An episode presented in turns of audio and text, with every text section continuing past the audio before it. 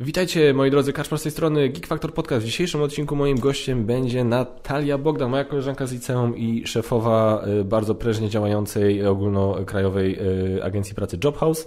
Rozmawiamy o tym, jak wygląda sytuacja. Oczywiście na początku trochę nadrabiamy zaległości, bo się z Natalią dawno nie widzieliśmy, ale oprócz tego e, mamy, rozmawiamy o tym, jak wygląda rynek pracy obecnie za covid jak wygląda, jaka jest specyfika pracy zdalnej, parę różnych innych ciekawych rzeczy na podcaście się pojawia, więc bardzo gorąco Was zapraszam do posłuchania, do zobaczenia po drugiej stronie intro. Hej!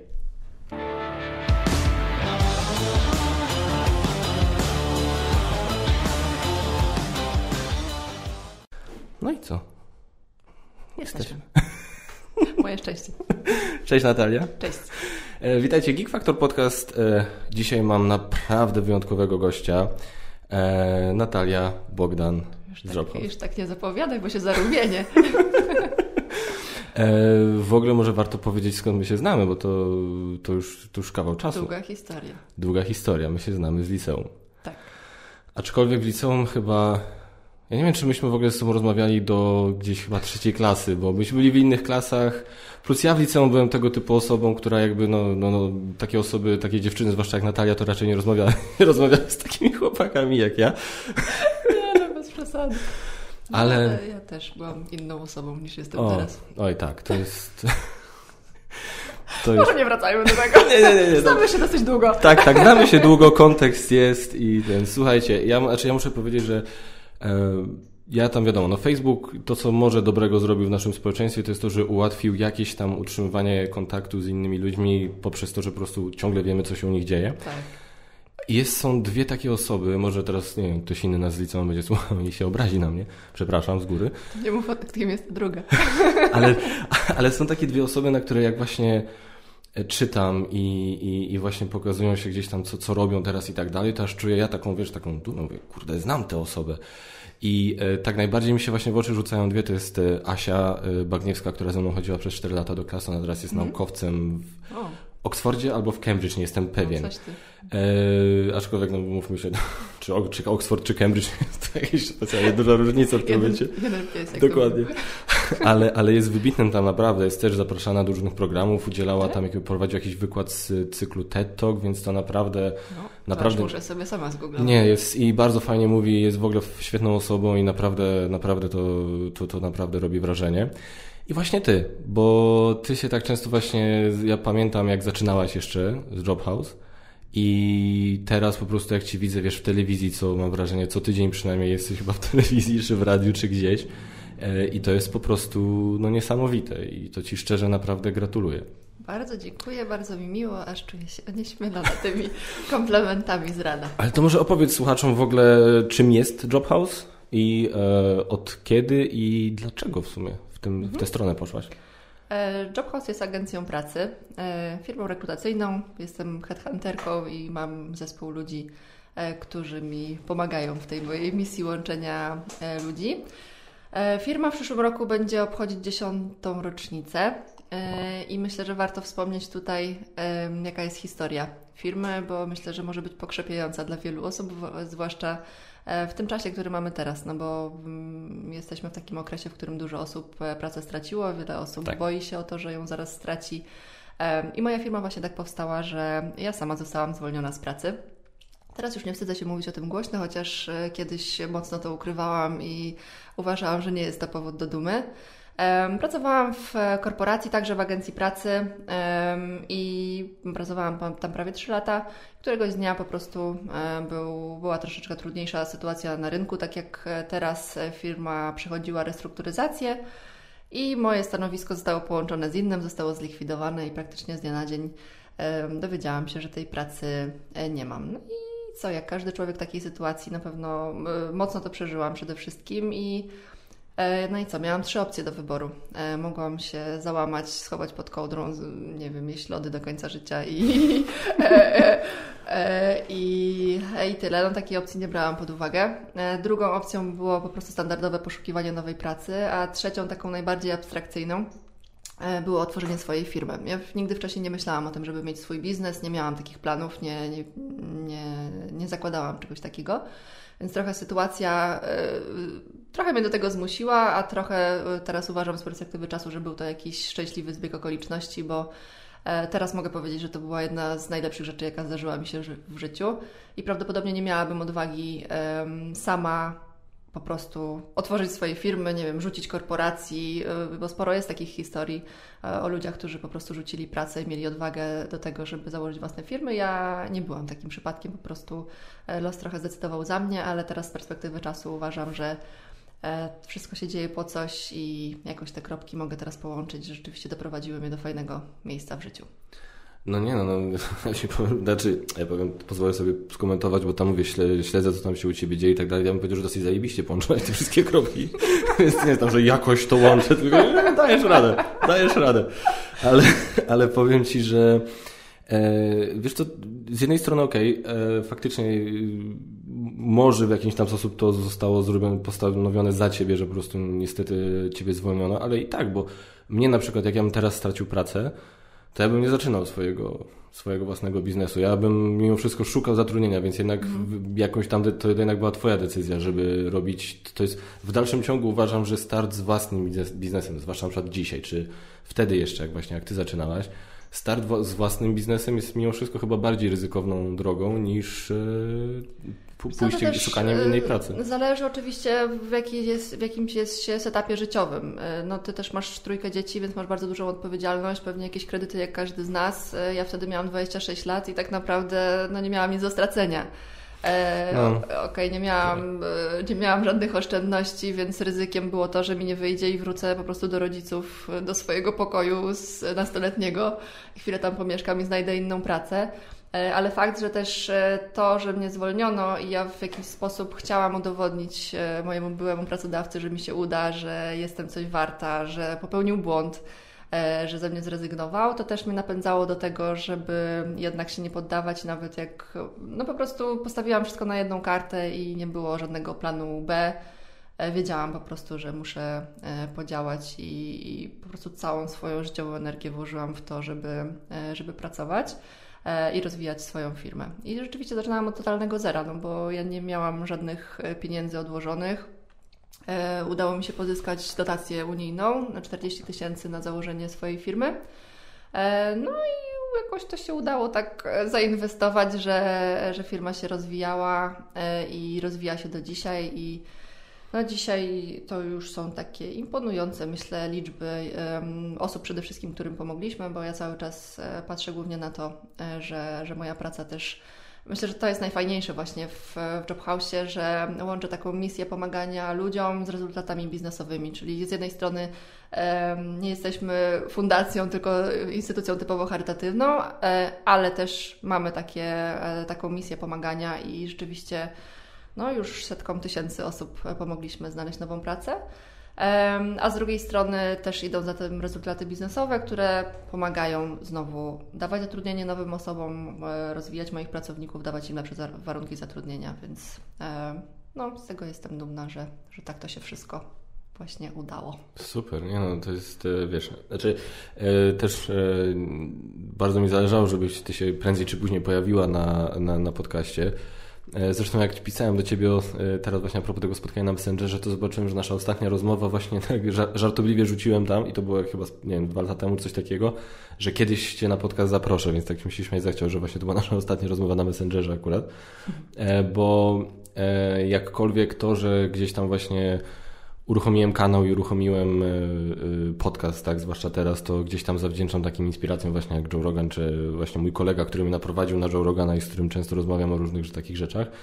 Tak jednak jeśli chodzi o mój rozwój e, biznesowy, nazwijmy to, i, i to, czego się w życiu nauczyłem i umiejętności, które gdzieś tam posiadam, to ja to tak w sumie, jak tak sobie to ostatnio przemyślałem, to zawdzięczam Tobie. Coś Ty. Naprawdę, bo ludzie mogą nie wiedzieć, jak ja się czasami wypowiadam i mędrkuję, chociaż staram się nie, bo nie jestem absolutnie wybitnym specjalistą, ale nie jest też tak, że nie wiem nic w tematach marketingu. Mhm. To to wszystko się bierze stąd, że moją pierwszą taką większą, lepszą, taką, ja jeszcze jakby to nazwać, taką poważniejszą pracą była praca w agencji marketingowej, mhm. e, gdzie pracowałem niecały rok. E, agencja marketingowa Brandish, gdzie znalazłem pracę dzięki Tobie. Ty mnie poleciłaś właśnie, zresztą jak, o, wtedy jak szukałem w ogóle pracy, to e, to był taki okres, gdzie ja szukałem pracy, nie miałem nic. Wróciłem z Warszawy, stwierdziłem, że nie chcę być aktorem, nie, nie, nie ma sensu, zresztą dowiedziałem się, że będę właśnie ojcem e, Leona, mojego drugiego dziecka. I stwierdziłem, nie, nie, sorry, nie wychowuję małego dziecka w Warszawie, nie mając tam nikogo, nie mając tam nic. Nie, wracam i próbuję znaleźć coś tutaj, się ogarnąć.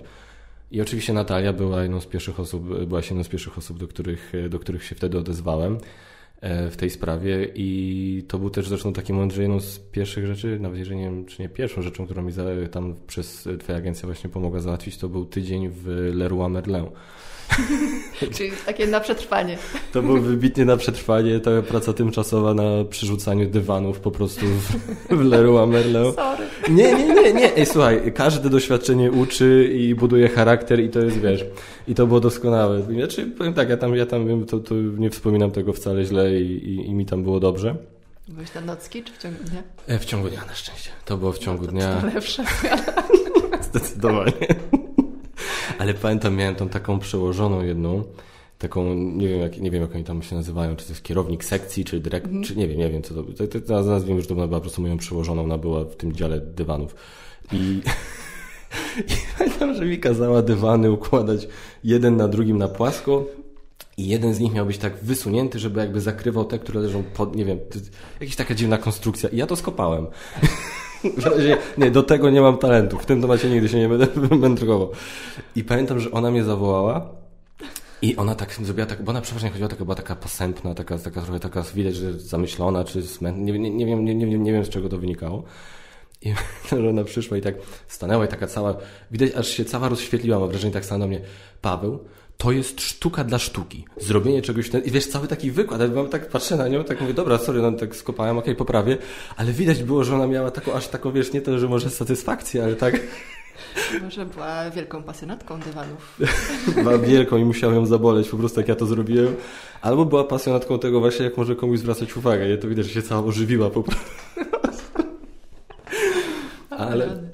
Ale potem mi ten, tak, potem mi właśnie pomogłeś znaleźć pracę w agencji marketingowej, gdzie się właśnie e, pracę wspominam różnie, e, z różnych powodów, nie ma co tutaj wchodzić w szczegóły, ale e, na pewno jest dużo się tam nauczyłem właśnie. I umiejętności, które zresztą do dzisiaj wykorzystuję, pomimo, że dzisiaj akurat robię w zupełnie innej branży to, to to jest coś, co między innymi gdzieś mi się tam między innymi wykształciło, nie? Więc to był taki pierwszy ten mój krok na mojej obecnej, moim obecnym życiu zawodowym i to właśnie ty mnie tam wepchnęłaś, więc dziękuję.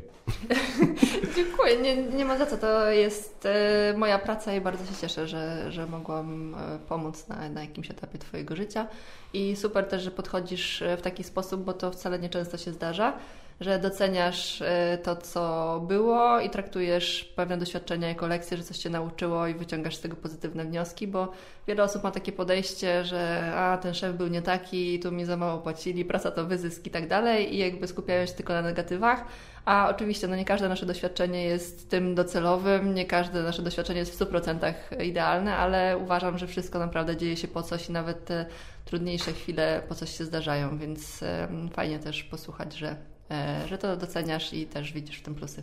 Znaczy, wiesz, ja po prostu wyznaję taką w miarę prostą y, filozofię na zasadzie, że taki jakby wiesz, efekt motyla trochę, że zmienisz jedno, y, a zmienisz wszystko, nie? Więc na zasadzie jak ludzie się patrzą, czy, czy czegoś pytają, na przykład, czy gdzieś tam są rozmowy, czy ja czegoś żałuję w życiu. No i wiadomo, no tak, są momenty, gdzie na przykład może powinienem był zrobić coś inaczej, może z tą karierą aktorską może mogłem, może, ja wiesz, całe życie walczę ze swoim leniem, nie? I może tam powinienem nieco mocniej z tym leniem powalczyć, może coś więcej spróbować, może coś więcej z siebie dać i faktycznie by się to inaczej potoczyło, więc to, że na przykład mi nie wyszło, jeśli chodzi o aktorstwo, to w dużej mierze to jest moja wina i biorę na siebie pełną odpowiedzialność za to.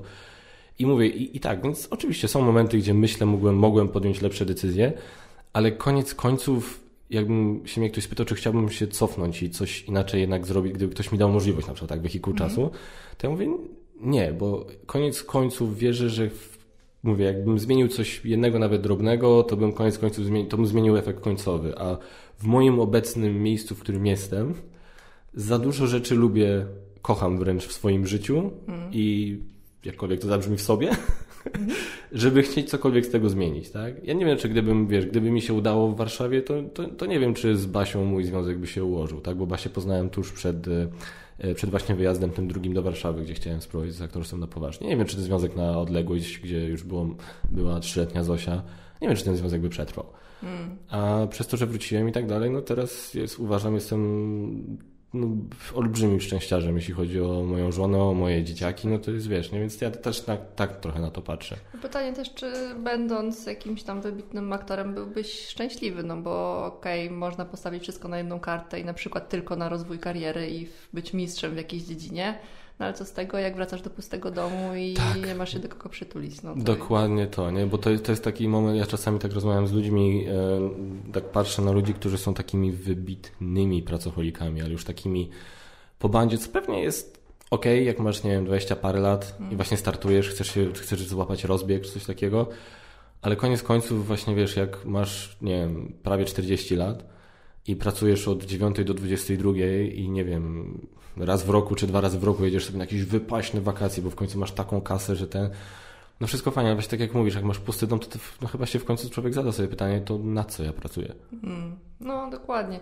Ja e, przechodziłam przez taką fazę, bo nawet uważam, że jest to wskazane, kiedy rozkręca się swoją firmę, czy zaczyna się właśnie jakąś ambitną pracę, to pewnie jest taki czas, kiedy na początku trzeba jednak pracować e, więcej, żeby były mhm. efekty. Mhm. Jeżeli właśnie nie koliduje to z jakimś naszym życiem prywatnym, no to jest to powiedzmy akceptowalne, ale na dłuższą metę e, to wypala, no bo ja sama jak rozwijałam firmę, to przez kilka lat, e, na pierwszy urlop poszłam po trzech latach e, i pracowałam naprawdę od rana do wieczora, łącznie z weekendami i pierwszą rzeczą, którą robiłam było sprawdzanie, odpisywanie na maile, tylko że pewnego dnia się budzisz i mówisz, kurczę, czujesz się jak chomik w kołowrotku i, i to cię niszczy i psychicznie i, i fizycznie też. E, więc warto sobie wiedzieć po prostu, kiedy powiedzieć stop i, i zwrócić uwagę na to, co jest w życiu naprawdę ważne. Tak, ale też cieszę się, że bo, bo dużo osób, które tak jak ty osiągnęły taki sukces, to jednak mam wrażenie, są tacy, którzy właśnie mówią, że nie, nie, nie, po prostu praca, praca, tylko praca i trzeba zaiwaniać. Więc fajnie jest posłuchać kogoś, kto mówi tak, tak, trzeba, bo no bez tego to się nic nie da zrobić, mm ale jednak e, nie przez cały czas, nie całe życie mhm. i jednak gdzieś tam znaleźć coś poza tym, tak, co nas gdzieś tam po prostu zakotwiczy, że tak powiem. Tak, pewnie, że tak. A jeszcze chciałam wrócić do Twojego e, lenia, którym się nazwałeś. E, chciałam zauważyć, że Paweł ma pracę na pełen etat, trójkę dzieci oraz prowadzi podcasty i jeszcze znajduje czas, żeby grać w gry sami ze swoją żoną i ze swoimi dziećmi. Więc ja nie daję rady z jednym dzieckiem. Więc e, jeżeli naprawdę twierdzisz, że, że jesteś leniwy, to kurczę, chyba troszkę tam niedoszacowanie jakieś widzę. Ba bardzo Ci dziękuję. Wiesz co, znaczy ja Ci powiem tak, yy, każdy ma swojego de swoje demony. Moim demonem jest olbrzymi leń, a, ale po prostu mam wrażenie, że ostatnie parę lat... Nie miałeś czasu pielęgnować. nie, nie, ostatnie parę lat udaje mi się z nim wygrywać w końcu, bo nawet, wiesz to nawet teraz, gdzie pracuję w tej korporacji, to pierwsze dwa lata tam, no to dosyć często przegrywałem z tym leniem, nie? I w pracy siedziałem, to jednak, wiesz, tam mogłem coś takiego, albo wiesz, na, na fejsiku coś tam poczytałem sobie na telefonie i tak dalej. E, no i dlatego też przez te pierwsze dwa lata nic się nie, moja kariera tam nie drgnęła nic kompletnie, nie? A aż w końcu stwierdziłem dosyć, dosyć. Zacząłem też, ale właśnie zacząłem słuchać sobie podcastów, zacząłem słuchać e, Jordana Petersona, zacząłem tam gdzieś tam większą uwagę zwracać na takich e, takich dużo artykułów takich psychologicznych o samorozwoju, o, o właśnie pokonywaniu jakichś takich swoich demonów i tak dalej. E, I, gdzieś tam zacząłem mówić, nie, dosyć, dosyć, trzeba coś w końcu, bo to, bo to już jest niepoważne, tak? I, I, mam tyle lat, mam wtedy co miałem 33, 34 lata, dwójka dzieci wtedy i, i wiesz, a ja po prostu ciągle gdzieś tam patrzę na tą pensję na przykład i mówię, co się z niechalo. No i wziąłem się wtedy za siebie, nie? Tak te ostatnie dwa lata to jest naprawdę duża zmiana, jeśli o to chodzi i przerzuciłem się do innego zespołu i w ciągu ostatnich dwóch lat awansowałem dwa razy. No. I tak, i, i po tym ostatnim awansie teraz, który miałem, nie tak zacząłem patrzeć na to wszystko, mówię, okej, okay, teraz jest okej, okay, nie? To jeszcze, to jeszcze nie, jeszcze nie skończyłem, żeby nie było, absolutnie nie. Ale, ale jest, mówię tak, dobra, to jest, wiesz, no nie wiem czemu tak długo mi zajęło i mówię, tak jak mówię, trochę do siebie żal mam, ale koniec końców, wiesz, nie? To jest... No tak, tak, gdzieś tam Gdzieś tam jednak z tym leniem walczę. E, a ty się mnie jeszcze spytałeś, zanim zaczęliśmy nagrywać, skąd się wzięła moja pasja do gier. Tak, bardzo mnie to interesuje, bo jesteś jedyną osobą, którą znam, która gra w planszówki, bo ja znam Chińczyka chyba tylko. Okej, okay, dobra. I Monopol.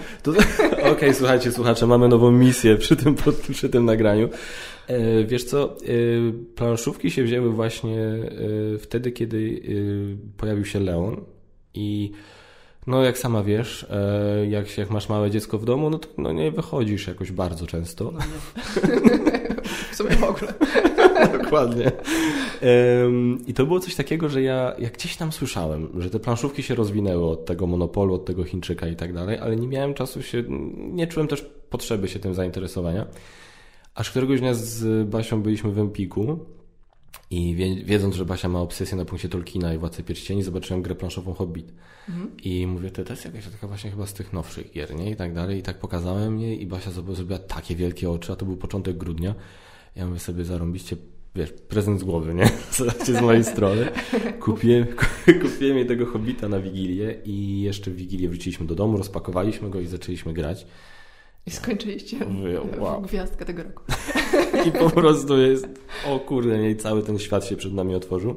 A jeszcze mi się to, to, też nie zawsze może opowiadam, więc może niektórzy słuchacze nie wiedzą, bo to jest taki zabawny element tej historii, bo gry planszowe do najtańszych hobby nie należą. Bo takie niektóre gry, które tutaj widzisz, to... taka gra? E, na przykład taka, taki o, wiek pary to 220 zł no, na przykład, no, nie? No. Więc to, to, jest, to, to są tego typu koszta. Nie, no taka Valeria to trochę mniej, zwłaszcza, że to jest sprawa wydawni tego wydawnictwa akurat to jest dosyć przykra sprawa. No ale już nieważne. Ale to są takie, wiesz, od, można znać oczywiście za 60 i tak dalej, ale też na przykład mam gry, które kosztowały tam, nie wiem, 600 zł. Wow, i no. co one mają w środku pozłacane pionki? E, nie, ale mają bardzo ładne plastikowe figurki. Mm. Więc tam i mają ich dużo. Na przykład taki Aha. Batman, którego kupiłem e, z Kickstartera, to właśnie dwa takie pudła wielkie, nie? I to jest wow. To jest dużo plastiku, właśnie kosztowało mniej więcej tyle. Masz w domu jakiś specjalny kącik, w którym trzymasz wszystkie gry? E, wiesz co, żeśmy sobie e, salon pomniejszyli o szafę. Na zasadzie jak masz salon, to po prostu jedną ścianę Aha. zajmuje szafa, mhm. e, która po prostu ma wycięcie jedno na telewizor i drugie wycięcie na moje biurko, że tak powiem. Aha. I cała reszta to jest po prostu zabudowana i otwierasz i masz planszówki. Mamy... Ostatnio zrobiłem, e, e, jak to się mówi, e, jak w sklepie robisz i sprawdzasz towar i tak dalej. Inwentaryzację? Inwentaryzację, dziękuję. Inwentaryzację zrobiłem, mam... To takich prac też wysyłam. Jakby się poszukiwali www.jobhouse.pl Czterysta tytułów mam w kolekcji. O wow. Tak. No to to już jest sporo. I wiesz, i to, się, i to się wzięło stąd też, że właśnie myśmy wtedy to odkryli. Basia kupiła na to jeszcze jakąś inną wtedy grę. E, I potem Basia do mnie napisała, że słuchaj Paweł, nie wiem czy wiesz, jest taki sklep niedaleko e, ten we Wrzeszczu, e, rebel.pl nie? i tak dalej. To jest tego będę teraz jako żart, bo rebel.pl to jest jedna z najbardziej znanych firm, jeśli chodzi o planszówki w tak? Polsce, tak. Sklep i, wyda i, wydawnictwo, tak. Bo to jest firma z Gdańska. By the way. tak, tak, dokładnie. I my, ma, e, co prawda teraz oni już tego sklepu nie ma, chociaż nie mają w Galerii Metropolia przecież sklep. Mhm. E, I to jest też wydawnictwo, które swoje gry też wydaje i tak dalej. I to taka no, jedna z głównych firm, bym powiedział, w Polsce, no wręcz na pewno. Mhm. I, e, I myśmy tam, Basia tam poszła, kupiła jedną grę.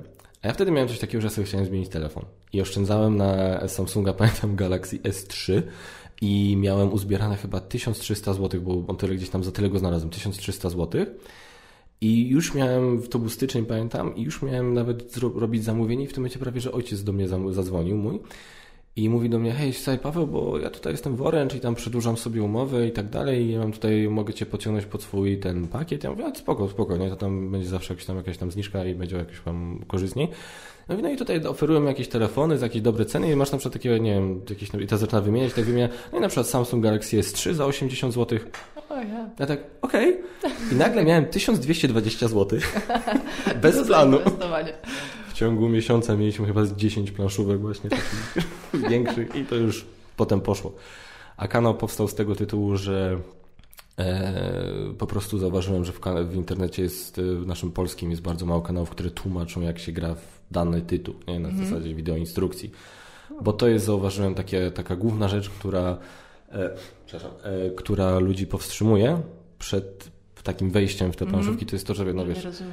Znaczy, znaczy nie rozumiem, po prostu nie wiesz, no siadasz do gry i masz na przykład 40-stronicową instrukcję, nie? Albo 30-stronicową, no to tak się trochę może odesieć, nie? No tak.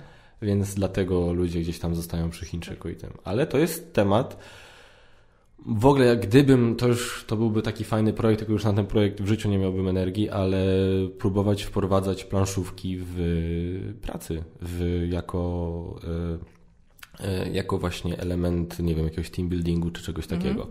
To jest moim zdaniem, może się zarąbić, się sprawdzić, bo przede wszystkim coś, czego na przykład nie wiedziałem właśnie, dopóki nie zacząłem grać w te nowoczesne gry planszowe, są gry kooperacyjne, tak? Czyli takie gry, gdzie Mhm. wszyscy grają razem przeciwko jakby grze i masz konkretne warunki, albo przegrasz razem jako zespół, albo wygracie wszyscy. Aha. Więc kooperacja, współpraca, rozmowa i, i tak dalej.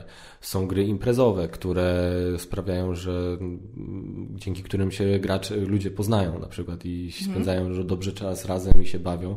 E, Moja szefowa raz jak e, od, ona, ona właśnie wie, że mam Fiona na punkcie planszówek i jak na jedną wigilię nie wziąłem e, gry planszowej Podaj Dalej, takiej właśnie zarąbistej gry imprezowej, już była na mnie zła. A Znaczy, inaczej zażartowałem, że nie wziąłem i się prawie cała mówię, nie, spokojnie, mam.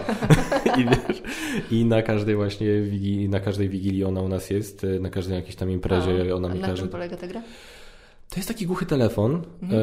e, tylko przy pomocy rysowania. To jest tak, że każdy gracz dostaje taki, taki bloczek po prostu i takie są puste kartki i dostaje się markery i to są takie, taka powierzchnia, nie wiem jak to nazwać, to jest taka lakierowana jakby powierzchnia tych arkuszy, gdzie można narysować coś markerem, potem to łatwo zmazać, Mhm. nie?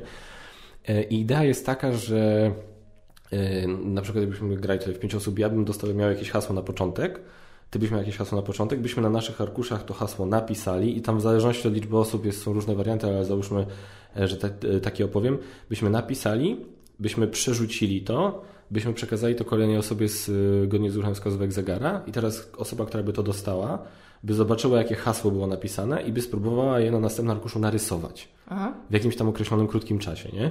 Narysowałaby to, znowu byśmy to przekazali zgodnie z ruchem wskazówek zegara, osoba by dostała, by cofnęła się wcześniej nie do początku, żeby zobaczyć to hasło, tylko tylko do rysunku. I ona by próbowała, okej, spróbowałaby zinterpretować rysunek i napisać, co jest na rysunku. I znowu przekazała. I ta osoba by z kolei zobaczyła to hasło i z kolei by to hasło próbowała narysować. I tak dalej, taki głuchy telefon. I zobacz, jak to się, i słuchaj, jest tyle, co myśmy się naśmiali przy tej grze, zwłaszcza jak troszkę jeszcze się wypije i zaczynają kompletnie dziwne skojarzenia pojawiać się. Aha, im gorzej ktoś rysuje, tym lepiej, bo jak ktoś ładnie rysuje, to bardzo dobrze jest w stanie narysować te swoje hasło, ale czasami są takie po prostu rzeczy, takie kwiatki wychodzą, że to jest niesamowite. To jest, y, to jest jedna z tych gier, gdzie ludzie w to grają, ale są jeszcze ludzie, którzy stoją dookoła i patrzą, jak inni grają, bo jest po prostu z tego taki ubaw, nie? Jak zwłaszcza patrzą, jak ktoś rysuje i jakieś, takie dziwne hasła.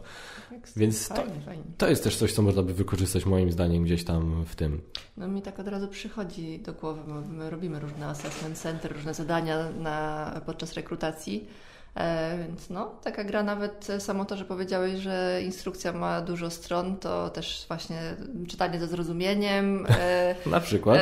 nie mówię, że od razu 40 stron, ale nawet gdzieś tam jedną dać do przeczytania i tak zobaczyć, ile zajmie osobie w ogóle zrozumienie tego i, i gdzieś tam przeanalizowanie i wdrożenie. No, fajne, fajne. Ja myślę, że to jest spory potencjał na właśnie jakieś takie warsztaty i tak dalej. No ale mówię, ja to lubię, bo to jest, no, to jest przede wszystkim też czas z, z żywym człowiekiem, e, z dala od elektroniki.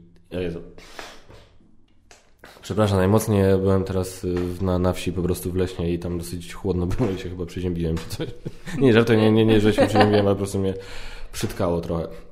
To nie korona, uprzedzam, to nie korona. Może napij się wody. Dobry pomysł akurat. No. Dobrze, słuchaj, e, mam do Ciebie takie pytanie właśnie, bo tak e, głównym tematem, który chciałem e, dzisiaj oczywiście poruszyć, to jest, ponieważ jesteś, no, nie oszukujmy się, ekspertką w, w temacie rynku pracy. Powiedz mi, jak, tak ogólnie zacznę, ba- bardzo ogólnie, e, jak, jak to oceniasz to, co się teraz dzieje na rynku pracy od momentu wybuchu pandemii? Wbrew pozorom, e, jeżeli mo- mogłabym ocenić, czy oceniam negatywnie, czy pozytywnie, to mimo wszystko oceniam pozytywnie, bo rzeczywiście na rynku pracy zadziało się bardzo dużo zmian, które nie miałyby miejsca, gdyby nie to. E, Przede wszystkim ta sytuacja była totalnie niespodziewana, czyli e, nikt, nawet e, jacyś najwięksi strategzy nie byli w stanie przewidzieć takiego ryzyka w, w organizacjach. I to, że większość firm przeszła na pracę zdalną praktycznie z dnia na dzień, mimo że wcześniej wiele z nich mówiło, że się nie da. W życiu. Tak, tak nawet urzędy, co jest jakąś totalną abstrakcją, które uważane są za takie dosyć skostniałe instytucje, też okazało się, że nagle można wysłać maila, można odpowiedzieć na tego maila, e, ale to tak nie chcę nawet śmiać się tego z urzędu, bo nawet w mojej organizacji e, było tak, że jednak wiele rzeczy ja jestem prezesem zarządu mojej firmy, więc muszę podpisywać dosyć dużo dokumentów. E, I praktycznie codziennie, jak przychodziłam do pracy, no to miałam taki stosik, czy to umowy z klientami, czy jakieś umowy z pracownikami. Bardzo dużo tego e, podpisywałam i nagle okazało się, że można wszystko robić jednak podpisem elektronicznym. E, I, i da się. I teczki osobowe można prowadzić elektronicznie i umowy z pracownikami. My mimo wszystko byliśmy dosyć mocno zinformatyzowani. E, ale no tak czy inaczej nie było to w 100% e, wszystko online, a teraz od marca e, praktycznie cała moja firma pracuje zdalnie. Są osoby pojedyncze, które wolą pracować w biurze, więc dla nich biuro jest i ustaliłam, że każdy może, mm, nie musi się deklarować, tak? Jeżeli mhm. ktoś chce, to może przyjść do biura, jeżeli nie, to może pracować zdalnie i jakby nie ma, nie ma z tym problemu i tak funkcjonujemy od marca, czyli już całkiem e, sporo miesięcy i wbrew pozorom wyniki firmy są lepsze niż e, były, niż były wcześniej. E, więc z mojej małej perspektywy oceniam te zmiany na lepsze. Oczywiście no, sytuacja dotknęła wiele branż. Są takie branże, które mm, no, zostały zmasakrowane po prostu, typu eventy na przykład, firmy jakieś szkoleniowe. No, turystyka też mocno dostała e, po nosie. E, hotelarstwo tak samo. Mm, teraz już, e, kiedy ten lockdown się skończył i gospodarka wraca powiedzmy do normy, już nie ma takich obostrzeń, to te firmy wracają do normy, ale na pewno nie, nadal nie funkcjonują na 100% mhm. swoich możliwości.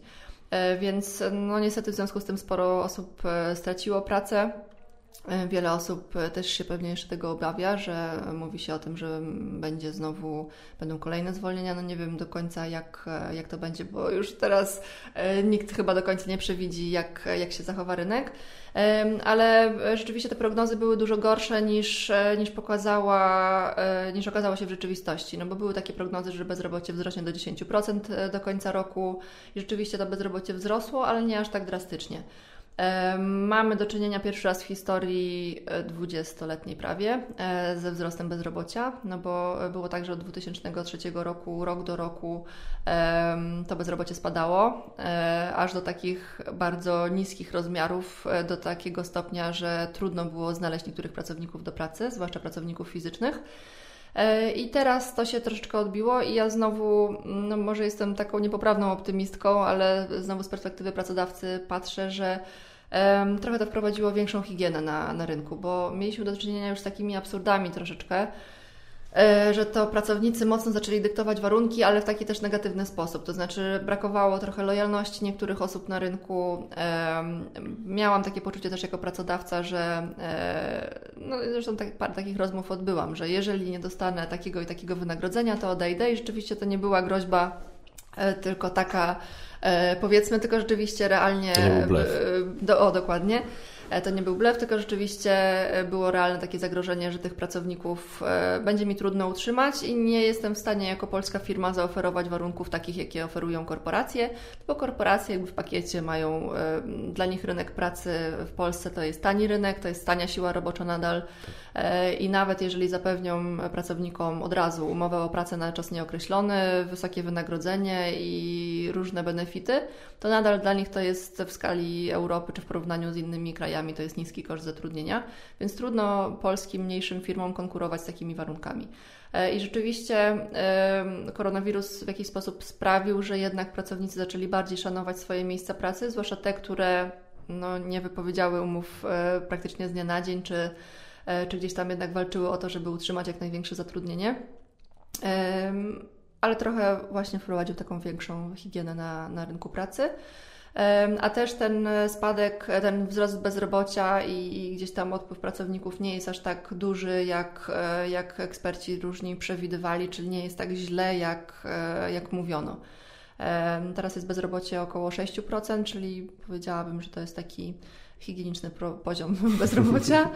E, no musimy też pamiętać o tym, że wiele osób przechodzi na emeryturę i nie do końca są e, osoby na rynku, które mogą wypełnić tę lukę. Jest sporo Ukraińców e, odpłynęło z naszego kraju, bo też chcieli mhm. wrócić do siebie.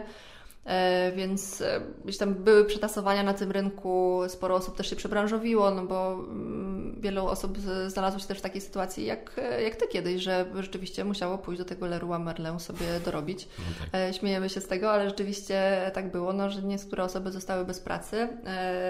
Nie wiem, na przykład też sporo kucharzy do nas się zgłaszało, którzy no po prostu zamknięto restaurację i oni nie, nie zarabiali e, praktycznie z dnia na dzień, stracili, stracili pracę i z, z takiego jednego fachu gdzieś tam szukali jednak przebranżowienia i, i nawet jeden z moich klientów, który ma sporo restauracji, e, powiedział, że szuka teraz kucharzy, bo wielu stwierdziło, że się przebranżowi w ogóle za, zaczęli się zajmować czym, czymś, czymś innym.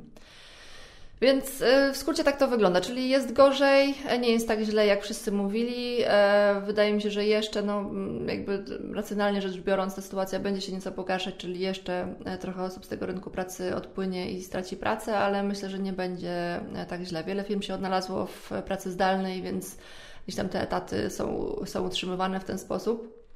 Wiele firm skorzystało też z różnych tarcz, które nasz rząd oferował i rzeczywiście one sprawiły, że Znowu nie, te firmy nie decydowały się jednak na redukcję zatrudnienia, tylko bardziej na zmniejszenie etatu, e, jakiś tam przestój. Część firm wysyłała osoby na bezpłatne urlopy, czy nawet płatne urlopy, które gdzieś tam osoby miały do wykorzystania. Też e, pojawiły się zasiłki na dzieci. Więc e, z takich rozwiązań wiele firm korzystało i dzięki temu nie, nie rozwiązywało umów o pracę. Okej, okay. no wow. E, znaczy, no właśnie ja też tak miałem poczucie, że no jakkolwiek nie można powiedzieć, że jest dobrze, to jednak nie, że nie jest tak źle, jak yy, niektórzy mówią, aczkolwiek to pewnie też właśnie dużo zależy od jednak od branży.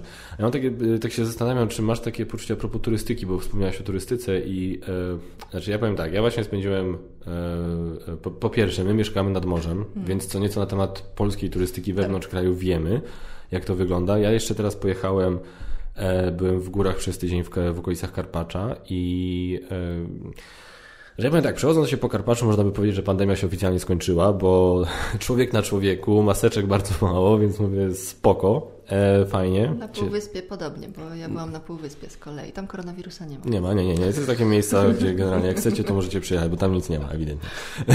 I ten, ale e, powiem tak, no ja się tak śmiałem, że to musi być jakiś efekt tego, że że ciągle są spore obostrzenia, jeśli chodzi o podróże.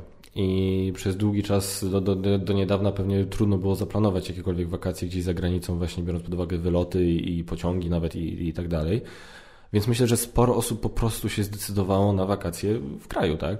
tak? Czyli no nie mogę wyjechać za granicę, to pojadę nad morze, albo jak mieszkam nad morzem, no nie mogę wyjechać za granicę, pojadę w góry. Mhm. Więc w górach i nad morzem tego po prostu, no zresztą tutaj ja po prostu, ja pamiętam, że sobota gdzieś tam 13, ja jechałem po obwodnicy po prostu i tyle bluzgów co ja rzuciłem, przecież taki korek na obwodnicy. W ogóle tak. obwodnica przestała być dla mnie obwodnicą przez w ostatnim czasie, po prostu jedziesz 30 na godzinę obwodnicą w którym mieście, to przecież masakra jakaś. I, yy, i tak się zastanawiam, czy Okej, okay, na początku turystyka obrywała bardzo mocno, bo wiadomo, no wszystko, hotele, wszystko po prostu stop, ale się zastanawiam, czy te, te jakby podmioty z branży turystycznej, które przetrwały ten początek, czy teraz może sobie trochę odrobiły? Nie wiem, czy zaobserwowałeś coś takiego, że faktycznie... Tak, ja mam sporo klientów z tej branży, więc e, rozmawiam z nimi na bieżąco, jak, jak sytuacja, czy, czy potrzebują więcej pracowników, czy, e, czy nie, więc e, oni mówią, że rzeczywiście jest lepiej, to znaczy po tym takim zupełnym kryzysie, no. kiedy było zero, co chyba w historii nie było takiej sytuacji, to coś się ruszyło, ale to nie jest 100% ich możliwości, więc Aha. wiele osób, mimo że wybiera wakacje w Polsce, to jednak nie decyduje się na hotele, tylko gdzieś tam szuka e, agroturystyk, takich mniejszych, gdzieś okay. tam wynajmuje apartamenty bardziej, czy mieszkania po prostu od, e, od zwykłych ludzi niż, niż właśnie z takich tam droższych opcji typu, typu hotele korzysta.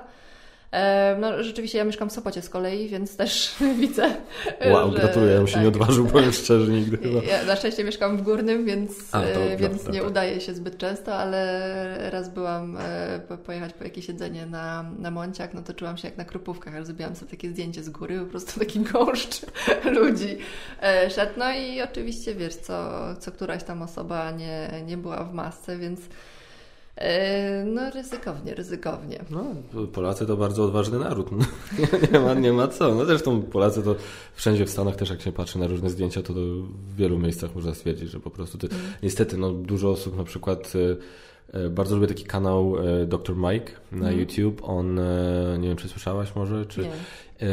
On to jest facet tak gdzieś w naszym wieku mniej więcej mam wrażenie, mm. może, może trochę młodszy od nas, ale nie wydaje mi się. Wydaje mi się, że jest mniej więcej w naszym. To jest lekarz, on, jego specjalizacja chyba to e, medycyna rodzinna, ale on jest, on jest bardzo taki hollywoodzki, on jest taki śliczny, jest Aha. dobrze zbudowany, ma taki piękny, idealny biały uśmiech. E, jest cały taki, no taki śmieszny, ale jest bardzo rzeczowy i bardzo konkretny. Ja bardzo go lubię słuchać, bo on w fajny sposób opowiada e, właśnie o medycynie. On ma takie, taką serię, gdzie na przykład The Doctor Reacts, na przykład, jeżeli on ogląda jakiś odcinek jakiegoś serialu, typu Doctor House, typu Grey's Anatomy i tak dalej, -hmm. te medyczne seriale tak. i komentuje, tak, i zatrzymuje się i mówi, a tutaj robią coś tam, o, to jest zaskakująco tam zbliżone do rzeczywistości, bo coś tam, coś tam. Bardzo fajnie o tym okay. opowiada i on bardzo dużo filmików, nawet kiedyś wrzucałem jakieś na YouTube'a, e, bardzo dużo o właśnie koronawirusie e, mówił i on na przykład właśnie, pomimo tego, że no, mówmy się, no ta sytuacja teraz, jeśli chodzi o protesty w Stanach Zjednoczonych i o cały ruch Black Lives Matter i tak dalej, jest no to jest bardzo złożony problem i absolutnie tego problemu nie chcę tu dotykać, tylko jednak fakt faktem jest, że dużo osób, zwłaszcza takich właśnie nazwijmy to celebrytów, e, wyrażało swoje zdecydowane poparcie dla, dla ruchu Black Lives Matter, dla protestów i, i tak dalej. Mhm.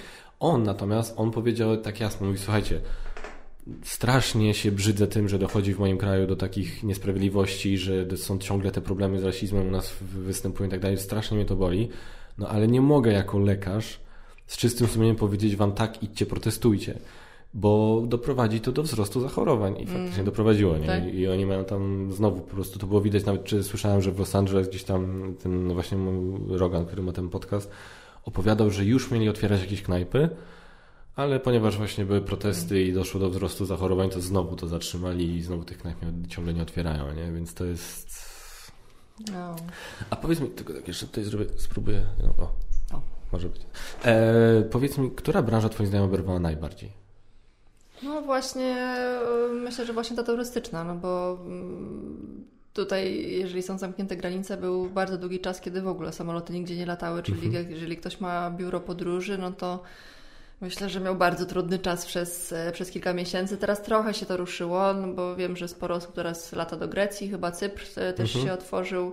Więc e, powoli gdzieś tam coś się dzieje, ale dużo osób też zakładam, że załatwia sobie te wycieczki na własną rękę, czyli po prostu lot sobie gdzieś tam wykupuje i, e, i szuka, nie wiem, noclegu na Airbnb czy, czy na Bookingu. E, no więc chyba ta branża ma najtrudniej. Na pewno też eventy, e, czyli wszystkie mhm. firmy, które organizowały jakieś koncerty. Teraz znowu już jest trochę lepiej, ale nadal byłam ostatnio na Cortezie w Operze Leśnej, e, więc co drugie miejsce jednak jest zajęte, no więc to jest nadal 50% sprzedanych biletów, jeżeli mają pełne obłożenie.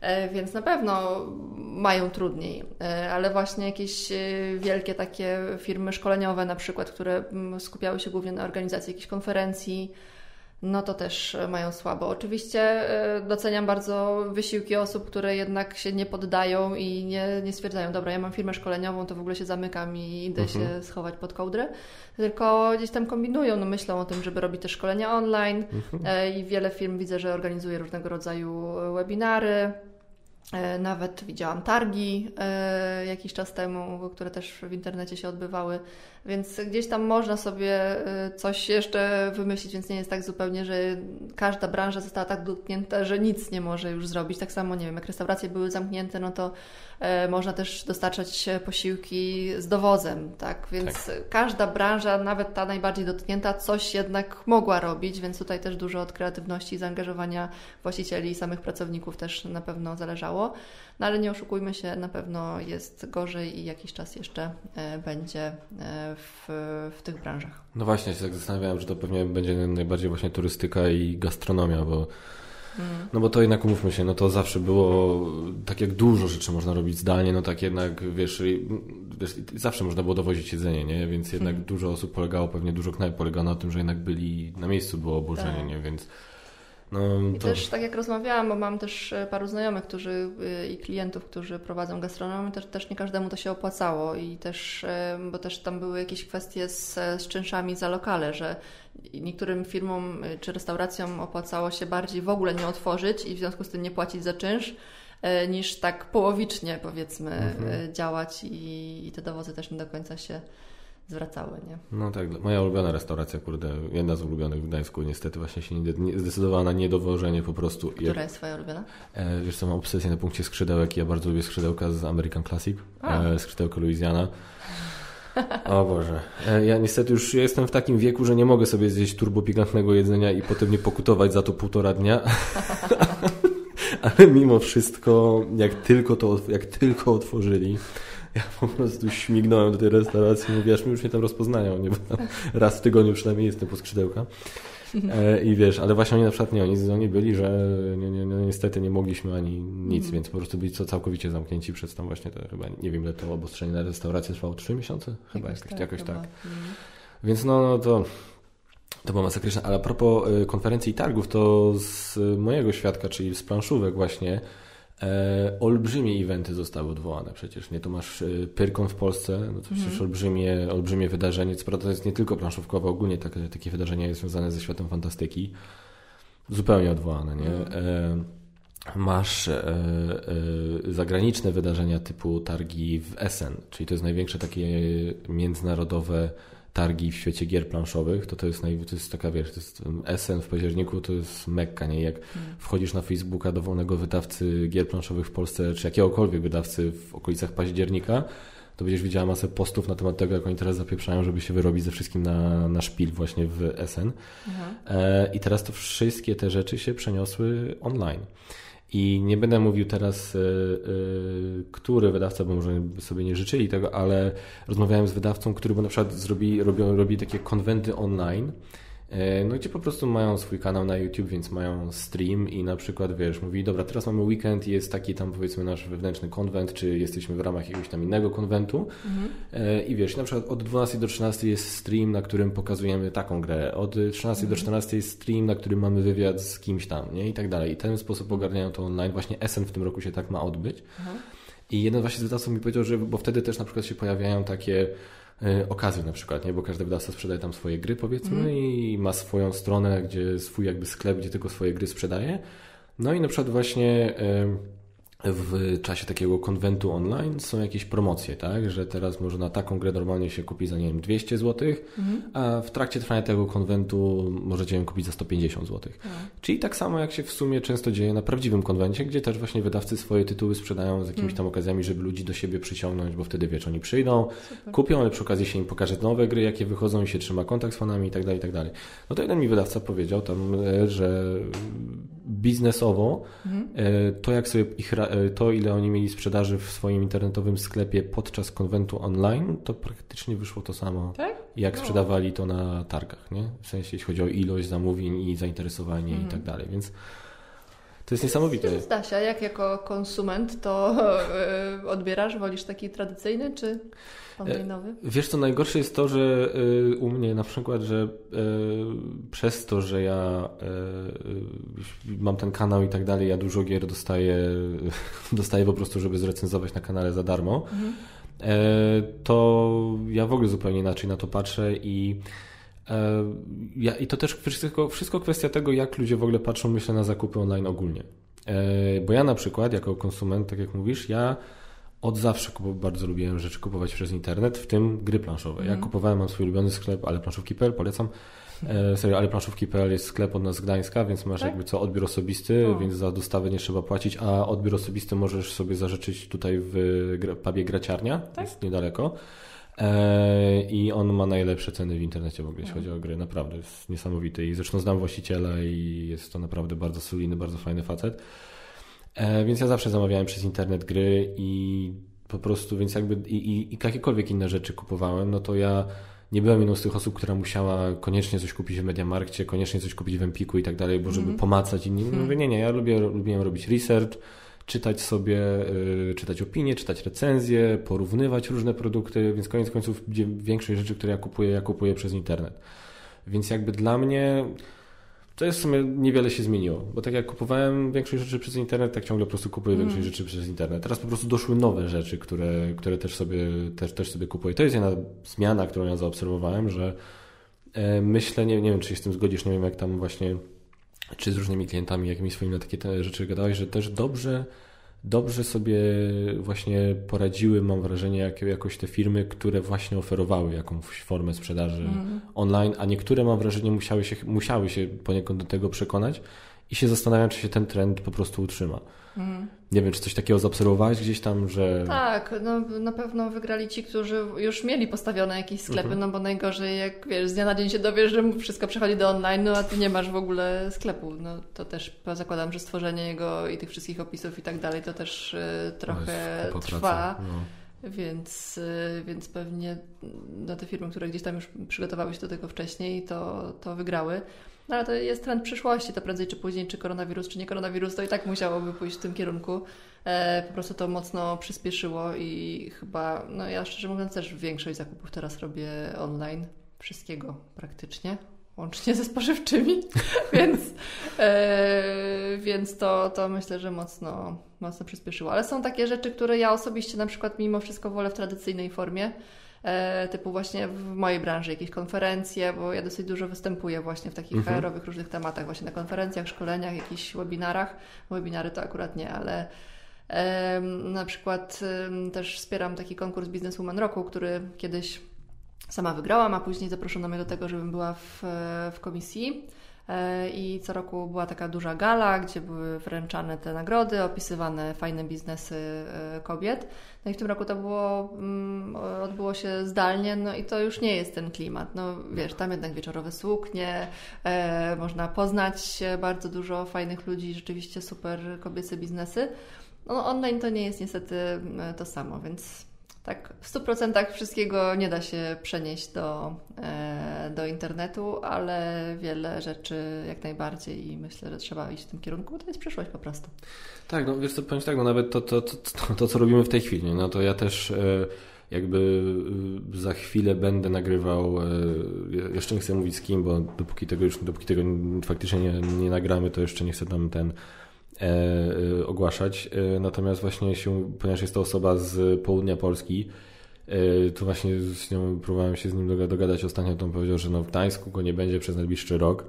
Ja z kolei też nie mogę za bardzo już teraz śmignąć na południe, więc a bardzo mi zależy na tym, więc no koniec końców nagramy ten podcast mm. online.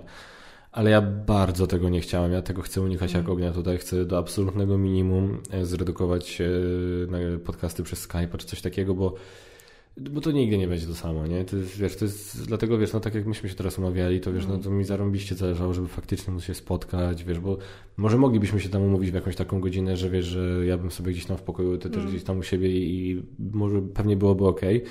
Ale to nie jest to samo, jak wiesz, jak się patrzy na kogoś. No, to jest... Rozumiem to doskonale, bo y, też nagrywałam kiedyś w mojej wielkiej firmie u Marka e, nagranie i e, on mieszka teraz w Londynie. No i ja w Sopocie z kolei, więc kawałek jest, ale jakoś tak się złożyło, że akurat e, gdzieś tam prywatnie e, leciałam, więc mówię, ja wsiądę sobie w pociąg, bo on gdzieś tam pod Londynem mieszka. Nie ma problemu, przyjadę. Był strasznie zdziwiony, bo byłem chyba jako pierwszym gościem, który nagrywał z nim osobiście. Ale no może to z mojej branży wynika, że jednak lubię poznawać ludzi osobiście. To nie jest to samo. My oczywiście też robimy dużo przez, przez Skype'a, teraz rozmów kwalifikacyjnych i tak dalej i da się, tylko to nie jest w 100% to samo. No nie, nie, bo to jednak gdzieś tam, czy to mowa ciała, czy to wiesz, to, to wszystko się, to, to, to jakoś... Tak, no, mimika, wszystkiego nie zobaczysz, wiesz, jakieś e, właśnie, tak jak mówisz, mowa ciała, mikroekspresje, nie wiem, no nawet zapach człowieka. ale faktycznie, a o tym akurat nie pomyślałem, ale to jest tak, to ma sens. No. Właśnie, nie chcę tutaj schodzić na taki temat, ale weź, no, zarekomendujesz jakiegoś kandydata. No nie, absolutnie, ja to absolutnie rozumiem. No i później na przykład właśnie zdarzy się takie coś, że, że ktoś nie do końca dba o higienę. Cofnął się kiedyś ktoś do ciebie tak, e, Natalia, ten gość. Co ten Stefan, którego żeście polecili, to... Wy się z nim widzieliście na żywo? No taka, taka sytuacja jeszcze się nie zdarzyła, ale hipotetycznie mogłaby się zdarzyć. No tak, prawda? absolutnie, że no tak. i przypał na całego. No tak, no wiesz, chociaż teraz wiesz, teraz już nie wiadomo na co można ludziom zwracać uwagę, bo się zaraz wszyscy obrażają i, i, domagają się odszkodowań, nie wiadomo czego tam, czego tam jeszcze. No ale myślę, że jak wiesz, jakby... Dyskryminacja. Dokładnie, tak, dyskryminuję, że jest moja, moje ciało, moja decyzja, żeby go nie mieć. Ale... teraz pogadaj z takimi. Ale wiesz, no ale co to sorry, po, po, po, polecasz kogoś właśnie na stanowisku, I gdzie... później wyobrażam sobie sprawę w sądzie pracy. Czy pan na pewno nie dostał pracy dlatego? I teraz się tłumacz, wiesz, zeznania świadków, w ogóle tak, tak, tak, śmierci, no. A tak w skali od zera to się śmierci. O Boże, masakra. No, no tak, ale to, to wiesz, to my się śmiejemy z tego, no ale faktycznie, no jak wiesz, na przykład wiesz, że polecasz kogoś tak, jakbyś mnie faktycznie polecała znowu, gdzie tam, e, gdzie ja w Brandishu, no wszystko polegało na tym, że ja jeździłem na spotkania z klientami, ja byłem twarzą firmy, powiedzmy i tak dalej. E, czy potem jak w Gazecie Wyborczej, bo, bo jeszcze w e, Brandishu ja jeździłem z moim przełożonym, z Marcinem, pozdrawiam, e, i to on, on jako szef, szef firmy, właściciel też był właśnie, on był twarzą, ja tam jakby wspierałem i tak dalej. E, tak jak w gazecie, jak już potem pracowałem na takim samym stanowisku, bo byłem właśnie osobą odpowiedzialną za wspieranie kampanii, za kontakt z klientem i tak dalej, no to tam większość przypadków jechałem sam. No i więc wiesz, i mam, mieliśmy tam wręcz e, target tam pięciu spotkań tygodniowo, żeby wyrabiać. Chyba, czy może nawet było więcej, już teraz nie pamiętam. I i w każdym razie, wiesz, no, no, jeździsz do klientów i jesteś właśnie tak jak, zresztą ty też przecież wysyłasz pracowników i to, to jest, w tym momencie, to jakby nie było, jest reprezentacja twojej firmy, reprezentacja firmy. No i teraz wysyłasz właśnie gościa, którego po prostu, wiesz, wali po prostu od momentu, jak ktoś wejdzie. I tak mówisz, e, to chyba, chyba nie, no nie można, no niestety, no to jest, to jest, to jest taka, ta, taka niewinna rzeczywistość. O, takie totalnie dygresyjne pytanie ci zadam. E, jak, y, bo myśmy często z kumplem rozmawiali o tatuażach. E, I ja po prostu, ja sam gdzieś tam flirtuję z myślą, żeby sobie w końcu jakiś tam Tak? rękaw zrobić mniejszy czy większy. Co chcesz zrobić? E, wiesz co, coś z Batmanem na pewno, bo to jest moja ulubiona postać z y, filmów, komiksów i tak dalej i naprawdę mam nie wiem, tutaj nie mam przed oczami obrazu jakiegoś konkretnego, ale to akurat polec to, co zostawię mojej żonie, bo moja żona ma niesamowite pomysły, jeśli chodzi o tatuaże, zresztą ma sama dwa Tak? naprawdę fajne. I teraz, ale natomiast mam kumpla, Magota zresztą, z którym e, właśnie ten kanał też e, przez większość czasu prowadziłem. No on ma taki cały po prostu rękaw po prostu, nie jest do tego. I, I z nim rozmawiałem właśnie kiedyś o tym, jak to teraz e, wygląda na, na przykład na rozmowach o pracę. I on na przykład mówi, że się pozmieniało, że nie patrzy się na to już tak krzywo. Tak, jest, e, jest lepiej. Rzeczywiście pracodawcy są bardziej li- liberalni i y, mówię to nawet z własnego doświadczenia, bo jak kiedyś mocno tak pilnowałam dress code'u u mnie w firmie, Mhm. sama jestem taką osobą, która gdzieś tam na tematy wizerunku e, na rynku pracy nie tylko zwraca uwagę, więc też u nas to było bardziej e, sztywno kiedyś niż jest teraz. Wiesz co, ty, kiedy świat się zrobił taki bardziej e, międzynarodowy, gdzieś tam e, ci pracownicy e, nowi dochodzą, oczywiście zależy to od branży, tak, no jeżeli ktoś, nie wiem, pracuje w, gdzieś tam w rządzie, no to pewnie tatuaż e, nie za bardzo byłby mile widziany. Co, Różnie firmy do tego podchodzą. Niektóre firmy wprost nam mówią, że jeżeli są tatuaże, ale nie są widoczne jakby tak w codziennej pracy, no to to jest okej. Więc jeżeli nawet ktoś ma na ręku, no to musiałby nosić długi rękaw, e, bo nie jest to gdzieś tam, nie pasuje to do wizerunku firmy. Ale są takie branże, nie wiem, typu marketing, no to to jest nawet wskazane.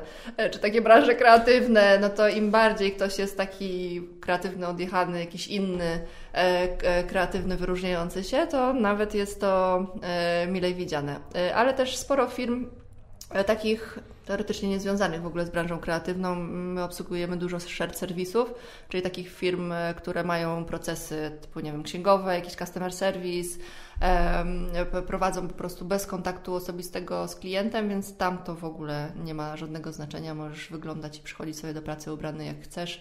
E, I wręcz nawet czasami ja się czuję tak trochę, no bo idę na spotkanie na takie fizyczne z, taki, z taką firmą i czasami się czuję sama, no bo ja tak dbam, żeby tam jakąś garsonkę założyć, marynarkę, no bo taka branża HR-owa jest taka trochę sztywniejsza mimo wszystko. czasami się czuję tak aż nieswojo, bo ktoś mi tam ostatnio na przykład, opowiem taki przykład, że ostatnio miałam spotkanie i dziewczyna miała spódnicę baletnicy, taką taką mocno falbaniastą okay. do tego Ramoneska. Ja mówię, kurde, czuję się jak pajac przy niej. ja wiesz, tak mówię, dobra, może się odwróci, to sobie odepnę jakiś guzik podwinę rękawy chociaż. Coś no, podrę, zrobię jakąś dziurę. Się człowiek taka pani po prostu, z, wiesz, z urzędu przy okienku. Ona tam luz, w ogóle od razu na ty i tak dalej, więc ja sama się uczę tak trochę takiej większej otwartości i widzę, że rzeczywiście świat zmierza w tym kierunku i będzie zmierzał, bo dążę do tego, żeby powiedzieć, że coraz młodsze osoby zaczynają być ekspertami w swoich branżach, że to nie jest już tak, że trzeba mieć 50 lat, okulary i wąsa, e, żeby być ekspertem w swojej branży, tylko naprawdę, zwłaszcza w tych branżach takich e, nowych, typu nie wiem, marketing online, mhm. E, tego typu rzeczy, to są ludzie, właśnie nie wiem, prowadzenie jakichś mediów społecznościowych i tak dalej, no to młodzi ludzie wymiatają w tym i oni zupełnie inaczej wyglądają, inaczej się zachowują, inaczej mówią i i są ekspertami, więc no, trochę trzeba przestawić to swoje myślenie. Tak, aczkolwiek jeśli mam być brutalnie szczery, to, to jest coś, co y, ja mam ciągle problem, żeby to jakoś tak w 100% zaakceptować. Jak ja widzę jak ja widzę po prostu na przykład, nie wiem, że szkolenie, czy gdzieś tam prowadzi jakiś gościu, wiesz, który ma, nie wiem, taką, powiedzmy fryzurę jak ja, nas, nawet ta fryzura jak ja, na się tak trochę zaczesane na bok, ale mm -hmm. tak mhm. powiedzmy tak widać, że tak wysoko i tak, wiesz, tak widać, że to się te włosy się aż lśnią po prostu. Wiesz, okulary takie jakieś takie hipsterskie, jakieś taką, taką te, te dziury, które oni mają w uszach, A, nie wiem jak to się już nawet... Tuleje, tak? Tule, no, nie, wiem, nie wiem jak to się nazywa nawet. Jak moja wiesz. córka coś takiego zrobi, to, to się załamie. No, albo tatuaż właśnie, wiesz, tak na szyi po prostu, wiesz, albo na twarzy, jak Mike Tyson, wiesz, robi jakąś taką pozycję, ma coś takiego, więc widać, że ma jakiś pierścionki, nie wiadomo coś tego, jakaś właśnie t-shirt z jakimiś wzorami i że to jest na przykład właśnie, wiesz, jakiś... Ja mówię, to nie jest, ja nie jestem gotowy, ja się chyba, ja już nie chcę teraz, żebyśmy, nie chcę, żeby teraz wyszło, jak jakieś takie dwa stare pierdziele sobie siedzimy i gadamy, że nie... Ale za naszych czasów było Za naszych czasów to takie ciuchy, by nie przeszły. ro, rozumiem Cię, rozumiem, bo y, ja w ogóle mam, prowadzę wykłady na Akademii Leona Koźmińskiego i mam właśnie temat wizerunek w branży rekrutacyjnej, więc ja mam normalnie tam slajdy o tym, jak powinien wyglądać rekruter też tak fizycznie, nie tylko y, tak w innych kwestiach. No i, i uważam, że to ma duży wpływ no, na to, jak e, mówi się, że nie, nie, trzeba, nie można oceniać książki po okładce, ale no jednak to jest i szacunek trochę do drugiej strony, to jak, e, jak wyglądamy, jak dbamy o siebie i tak dalej, więc warto na to zwrócić uwagę, ale trochę się to liberalizuje. Ja sama też jestem trochę bardziej liberalna niż byłam. Nie, no ja też oczywiście jakby jak najbardziej jestem za rozluźnieniem, bo też wiadomo z ja, znaczy, ja zawsze mówię ze wszystkim, tak? No nie można przesadzać. Hmm. Nie można mieć y, za dużego kija w tyłku, nie można też właśnie, y, ale też mówię też z tym wyluzowaniem, na przykład ja na przykład nie znoszę takiego zwyczaju w tych knajpach teraz takich właśnie hipsterskich, e, że na przykład nie wiem, jak jest ta stocznia w Gdańsku, gdzie masz hmm. kilka takich knajp, ja tam podchodzę, żeby sobie kupić tam jakiś e, karagę w jakiej tak, taka knajpa japońska niby i, i, na, i, od razu mówią, jak ja podchodzą i do mnie, cześć, co, co ci podać? No, nie jesteśmy na tych... Gówniarzu. ja mówię, tak mnie to wiesz, tak, tak to wewnętrznie mnie tak jakoś, bo ja tak nie, no nie potrafię, no. tak, ja no. tak gdzieś tam, wiesz, bo ja zawsze mówię tak, jak, jak jakby mimo wszystko trzeba zwracać uwagę na to, że okej, okay, my jesteśmy wyluzowani i my na przykład byśmy jakoś tam może kogoś nie odebrali negatywnie, ale nie wszyscy tak mają, więc na przykład moim zdaniem, jeżeli jesteś y, w eleganckiej koszuli marynarce, e, gdzie na przykład nie widać twojego tatuażu, no to jakby no nie obrazisz takim strojem, nie zniechęcisz, o może lepsze słowo, nie zniechęcisz takim strojem osoby, która lubi tatuaże. No, no ona się nie obrazi, pan nie ma tatuażu, bez sensu, wyjść. Nie, nie, no, to, no, to tak nie działa, nie? Natomiast w drugą stronę możesz, dlatego jest to bezpieczniejsza opcja, mm. a zawsze można w trakcie rozmowy jak jest fajna rozmowa z klientem i tak dalej, wiesz, a, a, widzę, że pan ma fajny tatuaż, ja też mam tak, o jaki tatuaż, a tutaj na ręce i wiesz, i, tak, i, to, i wtedy też jest inaczej, prawda? Tak, no, więc jeżeli miałabym na przykład coś rekomendować, e, tak odnośnie własnej kariery, to jeżeli lubimy tatuaże, to jak najbardziej, ale nie w widocznych miejscach, czyli to jest mhm. coś dla ciebie, co możesz sobie, nie wiem, odsłonić na plaży dla, dla żony, czy cokolwiek, no unikać po prostu, nie wiem, no, jakiś na szyi, na twarzy, gdzieś tam na nadgarstku, tak żeby to było mocno, e, mocno widoczne, ale można mieć mieć jak najbardziej i no, też zależy pewnie jaką, jaką branżę reprezentujemy, no, żeby to nas gdzieś tam nie stygmatyzowało do, do końca życia, no bo mm, na przykład, nie wiem, jakąś opie- ostatnio jakieś nianie rekrutowaliśmy na przykład i właśnie pojawiło się pytanie, czy nie będzie to problemem dla rodziców, że niania ma tatuaż, bo no, jednak niania też idzie na plac zabaw, jest lato, no to nie będzie w bluzie siedziała, żeby ten tatuaż zasłaniać, więc są takie gdzieś tam dylematy, no i może po co je tworzyć, jeżeli gdzieś tam mamy jakąś wizję e, swojej kariery w przyszłości, tego co będziemy robić, jeżeli to będzie jednak bardziej konserwatywny e, zawód, to może warto to rozważyć albo, nie wiem, zrobić jakiś mniejszy, bardziej ukryty. No właśnie, no to jest też pytanie, kto, y, po co ktoś robi tatuaże? Po to właśnie, żeby ludzie widzieli, czy robi je dla siebie, nie? Bo to jest też no tak. róż, różne podejście do tego. A, ale właśnie swoją drogą, nie, nie, to jest, to jest też ciekawe, jak ta branża zareagowała, bo w sumie no, można by powiedzieć, że przez, przez te ostatnie parę miesięcy nianie nie były zbyt potrzebne. Nie, ja właśnie trafiłam na taki moment, y, bo niania mojej córki zrezygnowała z pracy na początku marca, tak jak jeszcze wszystko było ok, bo dostała jakąś pracę, nie wiem, w butiku i chciała zmienić swoje życie. E, okay. Pozdrawiam serdecznie. Trzymam No i właśnie e, no i właśnie się okazało, że, że później ta pandemia, więc ani ona nie podjęła nowej pracy. E, wiele niań straciło pracę, no bo jednak rodzice zostali, hmm. poszli na te zasiłki okay. opiekuńcze, czy tam, nie wiem, no mieli jakieś zagrożenie, wizję utraty swojej pracy, więc wiele rodziców zostało z, z dziećmi po prostu w domu. Więc sporo niań wróciło na rynek pracy i a dwa, że też y, ja na przykład byłam w takiej sytuacji, że ja przez kilka miesięcy siedziałam z młodą w domu, kiedy ta pani moja zrezygnowała. E, no bo bałam się kontaktu z zewnątrz, no tak. jakąś tam inną osobą, która jednak, nie wiem, jeździ komunikacją miejską, gdzieś tam ma styczność z innymi osobami, a później, no jak już to się trochę poluźniło, no to rzeczywiście wróciło to do normy i znowu nie są e, poszukiwane. I w momencie, kiedy ja się zdecydowałam na to, żeby szukać opiekunki dla, dla mojej córki, no to miałam wybór z bardzo wielu osób, no bo to był jeszcze ten moment, że nie każdy się na to decydował e, i rzeczywiście sporo osób takich straciło pracę i gdzieś tam jej, jej szukało, więc znowu była możliwość gdzieś tam renegocjacji stawki, e, nie renegocjacji, tylko w ogóle e, negocjacji stawek i gdzieś tam wyboru z większej ilości z większej ilości osób. A teraz to już myślę, że wróciło do normy, zwłaszcza jak E, no teraz to już właściwie e, wszyscy się zachowują, jakby koronawirusa nie było. No tak. więc, e, więc teraz znowu są nianie poszukiwane. Teraz jest, zaraz będzie wrzesień, więc to też jest taki okres dla niań, kiedy sporo dzieci idzie do przedszkola i gdzieś tam rezygnuje po tych paru latach współpracy z, z opiekunki, więc poszukują kolejnych i gdzieś tam się E, no ciekawy rynek, mocno go zgłębiłam w ostatnim czasie, więc mogę dużo opowiedzieć. A, po, a tak z ciekawości, absolutnie nie mówiąc, y, ile ty tam płacisz na nie, jaka jest teraz średnia stawka za nianie? Tak, czy to jest w ogóle godzinowe, czy dniówki, czy... Tak, to zależy od niani, ale taka stawka, powiedzmy, za którą znajdziesz dobrą osobę, to jest około 20 zł na godzinę, o. już na rękę. Znaczy, no nianie, umówmy się, że zazwyczaj pracują na czarno, tam nie ma żadnych już do tego dodatkowych yy, kosztów.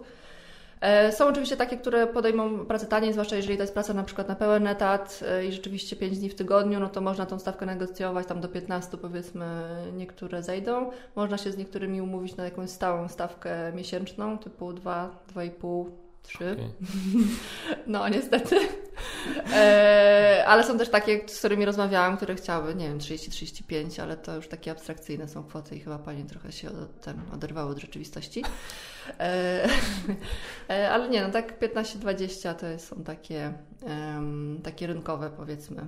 Teraz okay. stawki. Czasami jest tak, że też panie sobie życzą jakieś dodatki, typu jeżeli mają w weekend przyjść, czy wieczorami, czy zostać na noc, no to mają tam jakiś plus plus jakieś do, do tego kwoty i jeżeli mają na przykład wolne, e, czyli e, z naszej jakby inicjatywy, czyli albo nie wiem, po prostu dzisiaj chcę zostać z dzieckiem i może pani zostać w domu, no to wtedy mają jakieś minimum godzin, za które płacimy, mimo że jakby nie... nie Aha, że to jest nasza decyzja po prostu tak, taka. nie pracują, okay. plus no, niektóre też są płatne urlopy, na przykład, nie wiem, dwa tygodnie, że wtedy ona ma urlop w tym samym czasie co my, ale że my jej płacimy jakby za gotowość i to jest albo 50% stawki, czasami ileś tam godzin po prostu. Więc tak, to, no, ale generalnie jest to dosyć duża inwestycja, więc y, nie każdemu to się po prostu opłaca. Y, no bo jeżeli ktoś sam zarabia tyle, ile niania, no to tak trochę się mija z celem, nie? No nie, no jasne. Znaczy to jest temat, który ja podejrzewam, my będziemy musieli gdzieś tam zgłębić, no bo niestety mam nadzieję, że moi rodzice i rodzice mojej żony tego nie będą słuchać i się nie obrażą. E, no bo niestety moi, moi rodzice i rodzice mojej żony nie są e, najmłodszymi ludźmi mm. niestety na świecie, wiemy jak to jest e, i to jest tak, że tak jak z Zośką mamy w ogóle z Basią duże szczęście, bo moi rodzice są tu na miejscu, Basi rodzice są tu na miejscu i od samego początku, jeśli chodzi o wnuki swoje, to oszaleli po prostu mm. na ich punkcie i bardzo chętnie brali na weekend, bardzo chętnie brali na noc, bardzo chętnie zostawali z nimi i odbierali na przykład ze szkoły albo coś takiego. Więc to, ile my z Basią mieliśmy wsparcia od nich i mamy wsparcia od nich, i, a jeszcze przed narodzinami teraz naszej córeczki i Malwiny, ile myśmy mieli, wiesz, weekendów dla siebie, wieczorów dla siebie, no to jest po prostu nieocenione, jak, jak bardzo nam e, to pomogło. No ale no teraz moi rodzice są tam w takim, a innym wieku i, i powiem szczerze, jakkolwiek z Zosią, która ma 12 lat, w tym roku skończy mm. i z Lonem, który skończy 8 lat, no to z nimi... No, Już to... ma 8? Wow, to, jest naprawdę. Ja mam, nas, mam, ja mam nastoletnią córkę, kochanie. To, jest, a, to trzymam kciuki za ciebie. Ale pogadamy za 11 lat, zobaczysz jakie, jakie to są uciechy. to, to jest wtedy frajda. I, I wiesz, i, i, jakby, no wiesz, jeśli chodzi o opiekę nad nimi, no to to jest w miarę proste. Po prostu tak. siedzisz w tym no, samym pomieszczeniu, co one. Taki. Ale, kur... ale, ale Bobasa, takiego niemowlaka, no, no nie ukrywam, że miałbym problem, żeby na przykład, ze względu na moich rodziców, nawet po prostu nie to, że oni by sobie nie poradzili czy coś, tylko po prostu wiem, że to by ich dużo kosztowało. No, fizycznie nie? nawet obciążające, nie? Bo trzeba, nie wiem, nosić, chodzić. No właśnie, więc tak się zastanawiam, mówię, no jeżeli będziemy chcieli coś czuję z tą, z tym, z tą pociechą numer 3 jakiś czas dla siebie odnaleźć, no to będziemy albo szukali pomocy wśród znajomych, albo mhm. w właśnie niani, nie na tej zasadzie, bo to no niestety nie da rady inaczej. A powiedz mi właśnie, bo tak y, chciałem o pracy zdalnej właśnie, bo a propos tego, y, że dużo osób teraz, jak właśnie mówimy, że pracuje z domu i tak dalej, jest y, w ogóle bardzo ciekawe, że powiedziałeś tam gdzieś na początku, że wyniki zaobserwowałeś u siebie wyższe niż, w sensie, że się poprawiły mhm. wyniki, tak? I to jest coś, co bardzo dużo firm, na przykład tam, gdzie ja pracuję, ja właśnie rozmawiałem, bo ja teraz ja chodzę na siłownię w tym kompleksie biurowym, gdzie jest moja, moja firma i yy, właśnie moja trenerka też tam często jest na tej siłowni, więc też się rzeczy ma tam często klientów właśnie też z różnych innych firm z, te, z tego kompleksu biurowego, nie? Mm. To jest, e, w Gdańsku to się Alchemia nazywa. Yy, I teraz te, ona właśnie mi opowiadała, że ona od tych swoich klientów słyszy, że bardzo dużo firm w ogóle zdecydowało, pomimo tego, że już, że mogliby nawet, mogłyby te firmy jakoś tam funkcjonować teraz i otworzyć te biuro na pracowników i tak dalej, mm. nawet firmy się zdecydowały, nie, zostańcie w domu, mm. bo na przykład zaobserwowali wzrost y, efektywności, nie? No, to tak jest... samo. No właśnie, ale to jest niesamowite, tak? To jest, nawet ja się tego nie spodziewałem. Bo ja na przykład, ja bym chciał troszkę do biura wrócić, nie ukrywam, mhm. ale to pewnie dlatego, że ja mam trójkę dzieci w domu. E... Może to mieć jakiś związek. Ma jakiś tam związek jest. ale, ale wiesz, ale, e, ale jednak nie, dużo firm po prostu stwierdziło, że i wiesz, i to też wtedy jest no, dla takiej firmy może być taniej, tak? Bo nagle nie musi mm. wynajmować kolejnych pięter czy kolejnych pomieszczeń w biurowcu, żeby pracowników, tylko no, praca zdalna. Tak, i z tego co słyszałam, to wiele firm właśnie nawet się zmniejsza, czyli zostawiają sobie takie biura rzeczywiście minimalne, jakie muszą mieć, żeby tam rotacyjnie pracownicy na przykład mogli pracować, czy trzymać dokumentację, mieć jakąś tam recepcję powiedzmy, żeby odbierać korespondencję, ale na pewno nie zwiększają powierzchni, tak jak kiedyś to było, że wiesz, kolejne piętro, kolejne, kolejne tam jakieś metraże. I, i nawet właśnie zmniejszają to, co, e, co mają. No bo stwierdzili, że jednak da się. Szczerze mówiąc, to mm, nie wiem do końca z czego to wynika. Czy z tego, że w domu, nie wiem, nie ma tylu rozpraszaczy mimo wszystko, że nie wiem, jest tam jakiś rozpraszacz powiedzmy w postaci dziecka, ale na przykład, nie wiem, no nie masz tych 20-50 kolegów, że tu jakiś temat, to pójdziesz na kawę, tu pogadasz, nie wiem, albo może jeżeli wiesz, że masz do zagospodarowania 8 godzin i to jest tyle czasu, że, że po prostu, nie wiem, no, mniej efektywnie tym czasem zarządzasz, nie mam, nie mam pojęcia. E, z czego to wynika, ale rzeczywiście tak jest. Znaczy u mnie jakby ten, e, ta poprawa wyników to nie wynika tylko z tego, to też wynika z tego, że, że bardziej się przyjrzałam kosztom w mojej firmie, też zmniejszyłam skalę działania, więc, że tak powiem, koszty, które odeszły sprawiły, że te wyniki są, są lepsze. Ale też no, jakby projekty, które są mimo że pracownicy pracują w mojej większości zdalnie e, i zakładam, że nikt nie pracuje tak bite 8 godzin e, z zegarkiem w ręku, ja nawet nie mam możliwości, i nawet nie chcę nikogo pilnować, czy rzeczywiście tak jest, ale projekty, które wszyscy mają, są realizowane, są realizowane na czas, więc e, wydaje mi się, że jeżeli pracownicy mają postawione zadania, które mają do realizacji, to to, to po prostu robią. To nie jest tak, że, że praca zdalna sprawi, że nie wiem, nikt teraz nic nie robi, tylko siedzi na Facebooku przez cały dzień. Nie, ja myślę, że ja na przykład, mówię, może żeby mój przełożony teraz tego nie słuchał, e, ja na przykład zauważyłem, że na przykład w domu jak jestem, to ja na przykład, skoro i tak siedzę na swoim kompie i tak robię jakby na, na moim komputerze robię różne rzeczy i potem też po pracy sobie na swoim komputerze nie wyciągle jestem, to dla mnie na przykład nie ma problemu, żeby, wiesz, żeby na chwilę zalogować się z powrotem na swoje firmowe konto wiesz, tam nie wiem, o 20 na przykład, bo sobie mm. przypomniałem, że a jeszcze bym sobie coś tam dopiął, albo żeby się jeszcze lepiej przygotować na jutro, to sobie coś tam zajrzę do jednego dokumentu, albo odczytam, jakiś tam, odczytam jakiegoś tam maila od kogoś i tak dalej. E, więc może też to jakoś działa, na przykład, że ktoś może sobie na przykład stwierdzić, dobra, w ciągu dnia, dobra, to ja teraz wyskoczę, nie wiem, zrobię zakupy, albo wyskoczę z dzieckiem do lekarza, albo mm. cokolwiek E, ale wtedy właśnie stwierdziłem, no nie ma nic przeciwko, żeby wieczorem tak sobie pół godziny, jak już dziecko się położy, albo nawet godzinę posiedzieć jeszcze i coś tam podłubać, nie? Więc jakby gdzieś to wiesz, gdzie tak jak na przykład siedziało się te 8 godzin w biurze i się wracało do domu, to już się chciało mieć taki ten, wiesz, mm. taki ten zen na zasadzie, nie, nie, to już jest wszystko mm. za mną i już nie chcę do tego wracać. Natomiast teraz, jak skoro to i tak jest częścią mojego bycia w domu, no to równie dobrze mogę sobie o tej 20 zajrzeć na maila czy coś tam zrobić, bo to no, no, nie, nie czuję już tego takiego, wiesz, dysonansu. Tak, tak. No, więc jest to jest na taka większa elastyczność i, i zadaniowość i myślę, że też może jeżeli mamy z tyłu głowy, że coś musimy zrobić prywatnie, nie wiem, szybciej właśnie gdzieś wyjść z dzieckiem do lekarza, to szybciej skończymy to, co mieliśmy do zrobienia yy, i, w, i w ten sposób to działa. Ale rzeczywiście coraz więcej firm do, docenia wprowadza i tak jak wśród moich klientów to naprawdę takie organizacje, które nigdy bym nie pomyślała, że, że wprowadzą tak szybko w ogóle pracę zdalną i że cały czas jeszcze będą ją utrzymywać, to też z tego co mówią to nie zapowiada się, żeby do końca roku w ogóle ktokolwiek wracał, a myślę, że docelowo może w ogóle nie, nie będą wracać.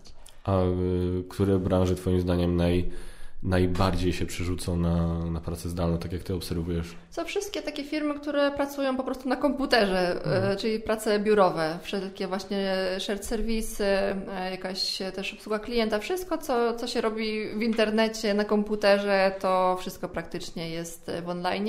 No są takie branże, no, które się nie da, no dentysta nie będzie mhm. pracował zdalnie. Przez Skype'a. Dokładnie, widzę tam byłby tak w piątce. Ale Ania nie, to Pixel. E, ale na przykład już w tej branży e, teleporady medyczne, e, no to jak najbardziej. I wielu lekarzy podejrzewam, że ma bardzo duży spadek jakby takich wizyt stacjonarnych, bo sama korzystam tam z jakiegoś pakietu w, w, w jednej z firm medycznych. E, I nie wiem, no moje dziecko ostatnio miało zapalenie spojówek i została zdiagnozowana bez wizyty u lekarza. Dostała krople, pomogły. Naprawdę? No, wow. też mnie to zdziwiło, bo dzwoniłam z takim przeświadczeniem, że e, pewnie takich rzeczy mi pani nie powie przez telefon. Ona, jakie objawy? A, a, a tak jest jakaś tam robka, czy łzawi to oko, coś tam, a to zapalenie spojówek, to przepisze pani to. No, więc, wow. E, no, ja bym więc, się bał, powiem szczerze. No, ale... trochę też byłam zaskoczona, ale mówię, no dobra, no upewniałam się pięć razy, czy na pewno nie musi Pani tego zobaczyć. Nie, nie, to są typowe objawy zapalenia wspomniówek. Ale z drugiej strony to może też rodzić pewne nadużycia, bo zastanawiałam się, czy jak ktoś jest na przykład narkomanem i chciałby wyłudzić jakieś leki, to mógłby, wystarczyłoby, żeby opisał przez telefon objawy tak, i mu przepiszą, to co? Zaraz wśród najpopularniejszych wyszukiwań w Google, co mam powiedzieć lekarzowi na teleporadzie, żeby dostać X? No, ale tak, no więc to może być trochę niebezpieczne, ale rzeczywiście e, no, są takie branże, żeby tak trochę to mówię, żeby zobrazować to, że wydawało się, że niektóre branże nie mogą pracować online, a jednak dają radę, więc y, może nie w 100%, ale w dużej mierze. To jest, no to jest kurczę niesamowite, ale ja na przykład ostatnio rozmawiałem z moim kumplem, który jest prawnikiem, e, który mówi, że on ostatnio, nie wiem, 90% jego rozmów ostatnio z klientami, to odnośnie prawa pracy, bo z tego co ja wiem, i, znaczy no mówię, ja z prawa pracy nie byłem orłem absolutnie i pewnie dlatego, że ćwiczenia mieliśmy na siódmą, na ósmą rano we wtorek po prostu jako jedyne i jeszcze prowadził je facet, który był tak o Boże, jakby to powiedzieć, nie, nie wiem, nie wiem e, jakie słowo można powiedzieć, które byłoby idealnym przeciwieństwem słowa żywy, ale też nie martwy, bo jednak żył, no oddychał, tak, ale ale wiesz, no stał i, i, i mówił i to, to, to było tak, i też na wtorek na ósmą rano to tak usypiało, po prostu miałem, to było fatalne, więc jeszcze mniej z tych zajęć myślę wyniosłem niż mógłbym. No ale praca zdalna praktycznie nie jest chyba w żaden sposób uregulowana w kodeksie pracy. Czy, czy jest to, czy może to się zmieniło? Nie wiem, właśnie, no nie pamiętam, kiedy była ostatnia kodyfikacja jakaś. Ale... No, nasz kodeks pracy jest taki trochę oldschoolowy i tam jest pojęcie... Oldschoolowy? bardzo dobre. Jesteś bardzo dyplomatyczna. tam jest pojęcie telepracy. E, która tak naprawdę to e, ma, bardzo mało osób pracuje w telepracy, mimo wszystko, biorąc pod uwagę te wszystkie zapisy, które tam są. E, ta specustawa, która była wprowadzona w związku z koronawirusem, mówi o pracy zdalnej, więc ona jakby rozwiązuje pod kątem prawnym ten temat, ale też sporo rzeczy nie jest uregulowanych. To znaczy nie jest uregulowane, czy pracodawca e, musi coś płacić dodatkowo za to, że ktoś pracuje zdalnie. Jest, jest informacja o tym, że pracodawca powinien zapewniać narzędzia pracy.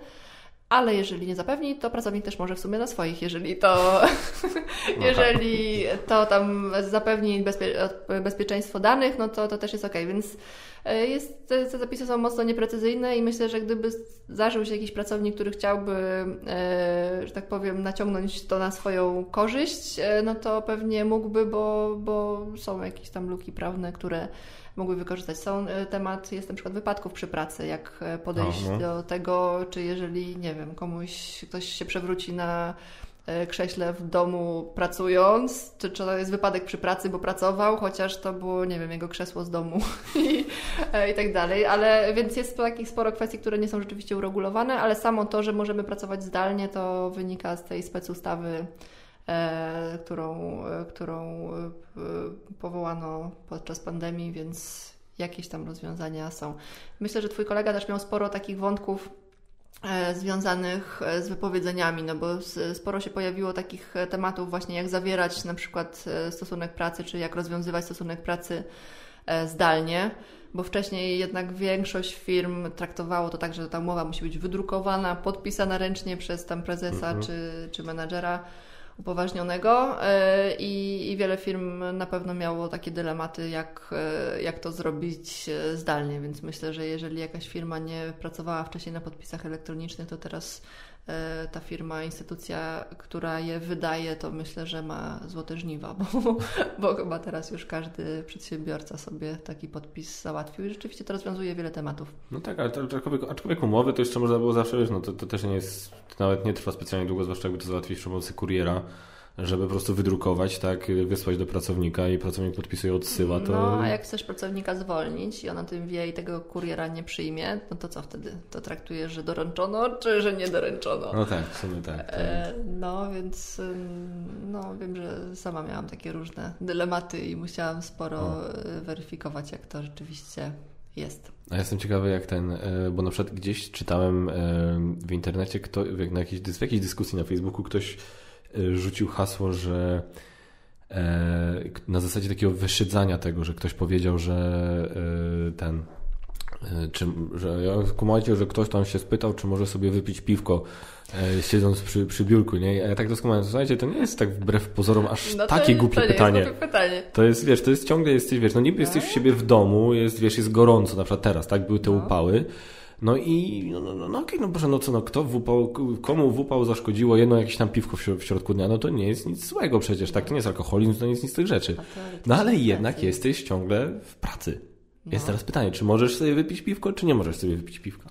No, to jest dobre pytanie. Myślę, że nie możesz mimo wszystko, bo jesteś w pracy. Jeżeli zdarzy się wypadek przy pracy, czyli spadniesz z tego krzesła, a piłeś, no tylko kto to zweryfikuje, nie? No powiesz, że nie piłeś. No właśnie. Ale, bo normalnie w miejscu pracy to musiałbyś tam oświadczenie, chociaż pewnie to zdalnie jakoś się podpisuje jakieś oświadczenie, że nie byłeś pod wpływem alkoholu. Normalnie w firmie pewnie jeszcze alkomat by poleciał. I, no właśnie. i tak dalej. No więc sporo takich wątków się pojawia. Ale ty rozumiem, nie miałeś takich jeszcze z, właśnie z piwem w ciągu dnia, to akurat się jeszcze u Ciebie nie pojawiło. E, podczas pracy zdalnej nie, ale w ogóle w firmie miałam takie, takie sytuacje. W związku z tym, że my no, zatrudniamy naprawdę, bo my mamy z jednej strony tych pracowników naszych wewnętrznych, administracyjnych, e, ale mamy też pracowników tymczasowych, takich i kontraktowych, którzy pracują u naszych klientów, czyli oni formalnie, ja jestem ich pracodawcą, ja im wypłacam wynagrodzenie, ubezpieczam i tak dalej ale oni fizycznie tą pracę świadczą u naszych klientów, to naprawdę już wszystkie historie świata chyba e, przeszłam, więc to piwko w pracy to tam naprawdę pikuś. Ja pamiętam, że ostatnio miałem taki dzień, że e, teraz na szczęście mamy, mamy ogród, więc miałem, mamy, miałem taką możliwość, ogródek. I to, bo to było coś takiego, miałem jakiś taki wyjątkowo ciężki dzień, jeśli chodzi o robotę, że kilka tematów naraz. No, na pewno wiesz jak to jest, że po prostu jest jakiś taki jeden dzień, że jakiś taki perfect storm się po prostu zdarza, że po prostu kilka tematów naraz. Ja już tu odpisywałem, tu dzwoniłem, tu pisałem do kogoś na czacie, tu do komuś, no i tak w końcu było tego tyle. Ja mówię, nie, nie, nie, nie, dobra, dobra, dobra. Coś mi też tam komputer wieszał, więc ja już zacząłem bluzgać na cały regulator. Mówię, dobra, nie, nie, nie, ja muszę trochę... Okej, okay, dobra. I to, ja, ja tak robię czasami w pracy, że jak właśnie się tego zrobi za dużo, to ja wtedy robię, okay, szybkie priorytet, dobra, muszę odpisać na to i na to teraz, więc to robię, ale potem wyłączam i dosłownie 15 minut idę i robię cokolwiek innego. Nie? Jak mm. byłem w biurze, to na przykład, nie wiem, potrafiłem po prostu zadzwonić do taty, zapytać się, tata, co tam słychać i sobie w pokoju konferencyjnym pogadać z nim przez 15 minut o pierdołach, nie? Na, na tej mm. zasadzie. Tak tutaj po prostu mówię nie i poszedłem sobie, wziąłem właśnie sobie, wziąłem zimne piwko, ale bezalkoholowe, e, bo, bo ostatnio takie, takie lubię te lemoniady, pić te ratlery, te warki, te, te e, cytrynowe. I wiesz, i walnąłem się po prostu w ogródku, bo było ciepło na leżaku i 15 minut sobie po prostu wypiłem takiego tego, nie? I tak, takie oczyszczenia. No, ale pytanie, tak, czy jakby, czy ktoś by to mógł zaaprobować, tak? No jak nie ma, jak jest zero może procentowe, to nie, ale na przykład tak samo bym zrobił, tylko bym sobie zrobił z 3%, nie? No i no to już wtedy jest teoretycznie problem. Chyba nie przypominam sobie, żeby na to był jakiś zapis, ale z ciekawości sprawdzę to, bo ciekawy wątek. No właśnie, no to, jest, to, to są takie właśnie pytania, nie? Z tą pracą zdalną właśnie jak to jest uregulowane, co właśnie można, czego nie można, właśnie wiesz, no, u nas w firmie na przykład, e, tu pochwalę swoją, że e, przekazano jakąś tam część funduszy na to, żeby pracownicy mogli sobie kupić krzesło. Tak? Tak, bo stwierdzili, że dużo osób zgłaszało, że krzesła, które oni mieli w domu, są, albo, albo w ogóle na przykład nie mieli, bo mm. na mhm. przykład, nie wiem, no w domu powiedzmy, to młodzi ludzie, tam 20 parę lat, i powiedzmy oni tam w pokojach, które gdzieś tam wynajmują od kogoś, to po prostu zawsze jak oni korzystali powiedzmy ze swojego laptopa, to po prostu sobie siedzi na łóżku, tak? Jakby mm. dla nich to nie było problemem. No i jakby jak do niedawna praca z domu była wyborem dla nas, tak? Czyli jak ktoś chciał, to sobie na własną rękę i sobie szedł i to wtedy wiadomo, no nikt ci nie każe iść do domu. Mm. Jak ci nie pasuje coś tam, to siedzisz w biurze, tak? No ale teraz, ponieważ wszyscy musieli iść do domu i ludzie zaczęli zgłaszać, że no wszystko ok, ale trochę mi się ciężko pracuje bez krzesła, i wystarczająco dużo osób to zgłosiło, no i stwierdziłem, no dobra, no to może by wypadało. Ten, to, to raczej nie jest nigdzie wymuszone, bo no właśnie, no narzędzia, ok, zapewnić narzędzia. No teraz pytanie, czy krzesło jest narzędziem? Niby nie. Niby bardziej laptop i jeżeli, nie wiem, no, robisz jakąś obsługę klienta telefoniczną, no to jakieś słuchawki, tego typu rzeczy ale krzesło to, to chyba nie. Ale rzeczywiście wiem, że sporo firm, e, znaczy może sporo, sporo, większość pewnie nic nie daje pracownikom, po prostu traktuje to jako e, pracę zdalną i, daje po prostu laptopa, tak komórkę, jeżeli na takich pracował, ale są firmy, które gdzieś tam wprowadzają jakieś dodatki tego typu właśnie za, nie wiem, na przykład za używanie swojego internetu, czyli na, na pokrycie kosztów internetu. E, o takich słyszałam, tak przynajmniej wśród, e, wśród moich Rachunki klientów. za prąd przecież O krześle to pierwszy raz słyszałam, ale no widzisz, są takie dobre No, nie, no ja akurat moja, moją firmę bardzo chwalę, że oni naprawdę fajnie do tego tematu podchodzą. No więc y, się zastanawiam teraz, bo skoro, no, tak jak już powiedzieliśmy, tak sobie, no, praca zdalna to jest nowa, nowa rzeczywistość, która raczej się nie zmieni, tak? Jak już będzie szczepionka na koronawirusa, jak już ludzie będą praktycznie mieli, y, społeczeństwo będzie odporne, no to raczej i tak ta praca zdalna ciągle będzie dosyć popularna i to raczej nie odejdzie, no bo tak jak sama powiedziałeś, tak się okazało nagle, że ludzie pracują tak samo dobrze, jeżeli nie lepiej, a koszta są, potrafią być zdecydowanie niższe dla pracodawcy, tak? Więc myśl, myślisz, że to prędzej czy później wprowadzą jakąś taką, nie na zasadzie jakiejś jednej specustawy tu czy tam, tylko na zasadzie takiej konkretnej kodyfikacji tak, dla, do kodeksu myślę, pracy. Że no, powinien być cały dział kodeksu pracy, moim zdaniem, dotyczący pracy zdalnej i, i dokładnego sprecyzowania, jak to, jak to wygląda. To musi być wprowadzone. E, chyba, że, e, bo wiem, że przedsiębiorcy też się tego domagają, żeby to nie wynikało z kodeksu pracy, a mogło wynikać z wewnętrznego regulaminu w e, firmie. I wtedy w regulaminie sobie stosujemy, jeżeli pracownik wyraża na to zgodę, i na, na, podstawie uzgodnień po prostu z pracownikiem, jeżeli obie strony wyrażają na to zgodę, jest czarno na białym, że to można, mhm. tego nie można, takie są sankcje, no to to jest ok. E, a jeżeli nie w, z regulaminów, no to żeby to było w kodeksie pracy rzeczywiście unormowane i obowiązywało to wszystkich, bo ta praca na pewno zostanie z nami na dłużej. Nie, nie powiem, że na pewno w 100% każda firma będzie tak pracować tylko i wyłącznie, ale to pokazuje, pokazują też preferencje pracowników. Pracuj.pl bodajże przeprowadziło takie badania wśród e, pracowników, jak oni postrzegają w ogóle pracę zdalną i 40% osób odpowiedziało, że idealnie byłoby im w przyszłości pracować w takim modelu, że na przykład jeden dzień w tygodniu pracują w firmie, a pozostałe zdalnie. E, I co, to jest ciekawe, bo wcześniej raczej było tak, że cztery dni w firmie, a jeden zdalnie i takie były preferencje i tak, tak pracownicy i pracodawcy na to pozwalali e, w wielu przypadkach. Tak teraz te proporcje się odwróciły e, i myślę, że to zostanie jednak z nami na dłużej. To jest i optymalne kosztowo dla firm i jakby fajnie pomaga nam, pracownikom też łączyć role życiowe z tymi zawodowymi, więc myślę, że warto. Nie żeby no, to było. Znaczy, ja też patrząc po sobie i wiem, że pewnie ludzie też tak do tego podeszli na zasadzie, że ja też na przykład wcześniej sobie myślałem, że właśnie w domu będzie mniej więcej rzeczy rozpraszać, tak? Bo i telewizor, i PlayStation, hmm. i tutaj, wiesz, nikt mi nie patrzy przez ramię, czy ja siedzę na Facebooku, czy ja siedzę w internecie, sobie czytam artykuły jakieś, czy faktycznie pracuję. I się bałem, że i tu przekąska w lodówce i wszystko i tak dalej, e, więc bałem się, że w domu jest, będzie ciężej, ale się okazało, że nie, że jednak potrafię bez problemu się zmotywować na tyle, żeby faktycznie, a faktycznie w pracy jest jednak dużo tak, właśnie tutaj ktoś zagada, tutaj ktoś mm. podejdzie, tutaj jakieś pierdoły i tak dalej. No i że tak, e, że tak to różnie może wyglądać, więc myślę, że też pracownicy się po prostu przekonają do tego. Ja na przykład bym chciał preferować taki model bo ja po prostu ze względu na ten kanał, który jest moim dodatkowym zajęciem, to ja muszę mieć wszystko, ja mam wszystko zaplanowane na, wiesz, muszę grafik sobie rozpisać na, wiesz, mam na miesiąc w przód, kiedy co nagrywam, kiedy co mm. montuję i tak dalej. I e, dlatego dla mnie na przykład taki układ, że mam tydzień z domu, tydzień, tydzień z biura, nie? Żebym przynajmniej, wiesz, na przykład coś takiego, ale może też mi się to zmieni, nie wiem. Nie wiem, ja mam do Ciebie takie jeszcze, bo y, ostatnio, znaczy inaczej, rzuciłem na grupie właśnie, że będziesz moim gościem mm. i się spytałem, czy byście chcieli o coś Ciebie zapytać i się pojawiły, pojawiły się chyba tam trzy pytania. Mhm. I teraz, y, czy ma Pani jakieś przewidywania, Konrad Sosnowski się spytał, czy ma Pani jakieś przewidywania dla rynku pracy IT?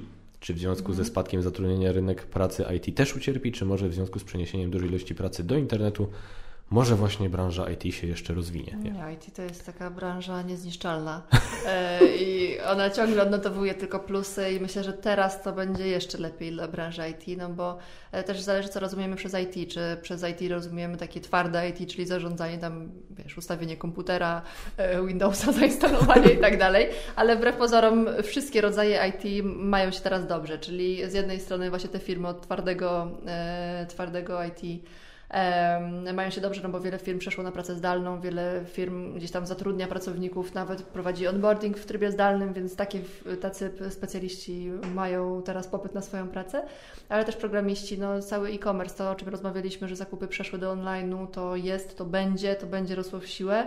E, więc wszyscy, e, wszystkie osoby, które się zajmują e, właśnie tworzeniem stron internetowych, sklepów internetowych, programowanie i tak dalej, to na pewno będą na wagę złota, więc w IT nie bałabym się Ale e, o swoją przyszłość. I na pewno nie w takich firmach jeszcze jak e, ja mam znajomą, która pracuje w firmie, też może nie powiem nazwy, żeby potem nie było, ale to jest firma, która się specjalizuje w, w oprogramowaniu do wideokonferencji. Mhm. Czyli takie, wiesz, coś ala WebEx, WebEx Cisco WebEx, tak, tak. czy coś takiego dla, dla, dla firm. No to tam jest teraz hossa, tak? No bo teraz tyle, fi wszystkie firmy nagle stwierdziły, no. że o kurde, tam nie, nie mamy czegoś takiego, chyba wypadałoby mieć. Więc nagle po prostu ilość tam, wiesz, no. wykupionych tam takich różnych pakietów i tak dalej jest olbrzymia, nie? Więc, więc tak. No ale to, to dziękujemy bardzo, że, że, że Konradowi odpowiedziałeś, no ale tak jak no to akurat też tak właśnie się zastanawiałem, czy IT będzie, że tak powiem, e, ucierpi, czy raczej nie. No ale tak jak mówisz, no, mi się podoba, co powiedziałeś, że to jest branża po prostu odporna na wszystko. A branża produkcyjna, Kamil się pyta, czyli kadra produkcyjna i specjaliści. Jak to widzisz, jak to prognozujesz? E, to zależy jaka produkcja, no bo e, są produkcje typu produkcja spożywcza, farmaceutyczna, środki czystości, to są takie rzeczy, leki, no to to mocno rośnie w siłę. E, ale inne tak naprawdę też. To zależy właśnie, co firma e, produkuje. E, teraz też i też zależy, czy o, jakim stopniu stanowisk mówimy. Czy to są pracownicy biurowi, czy to są pracownicy tacy fizyczni na, na produkcji. Ale mm, ja sporo takich klientów produkcyjnych też obsługuję i praktycznie żaden. Były takie firmy, które rzeczywiście na chwilę się zamknęły i ogłosiły te przestoje no bo rzeczywiście w ich branży był, było też przez chwilę gorzej, ale większość firm albo zrobiła tak, że na chwilę zamknęła fabrykę i wtedy wysłała pracowników na urlopy, albo zrobiła ten zmniejszony wymian e, czasu pracy, ale teraz już wszyscy wrócili do, do normalnego funkcjonowania i raczej jest ok, z tym, że no, przy produkcji musimy mieć e, świadomość postępu technologicznego. O robotyzacji mówi się głośno no tak. już od wielu lat, więc to nie jest tak, że taki pracownik produkcyjny na tej taśmie będzie jeszcze za lat 50, nie?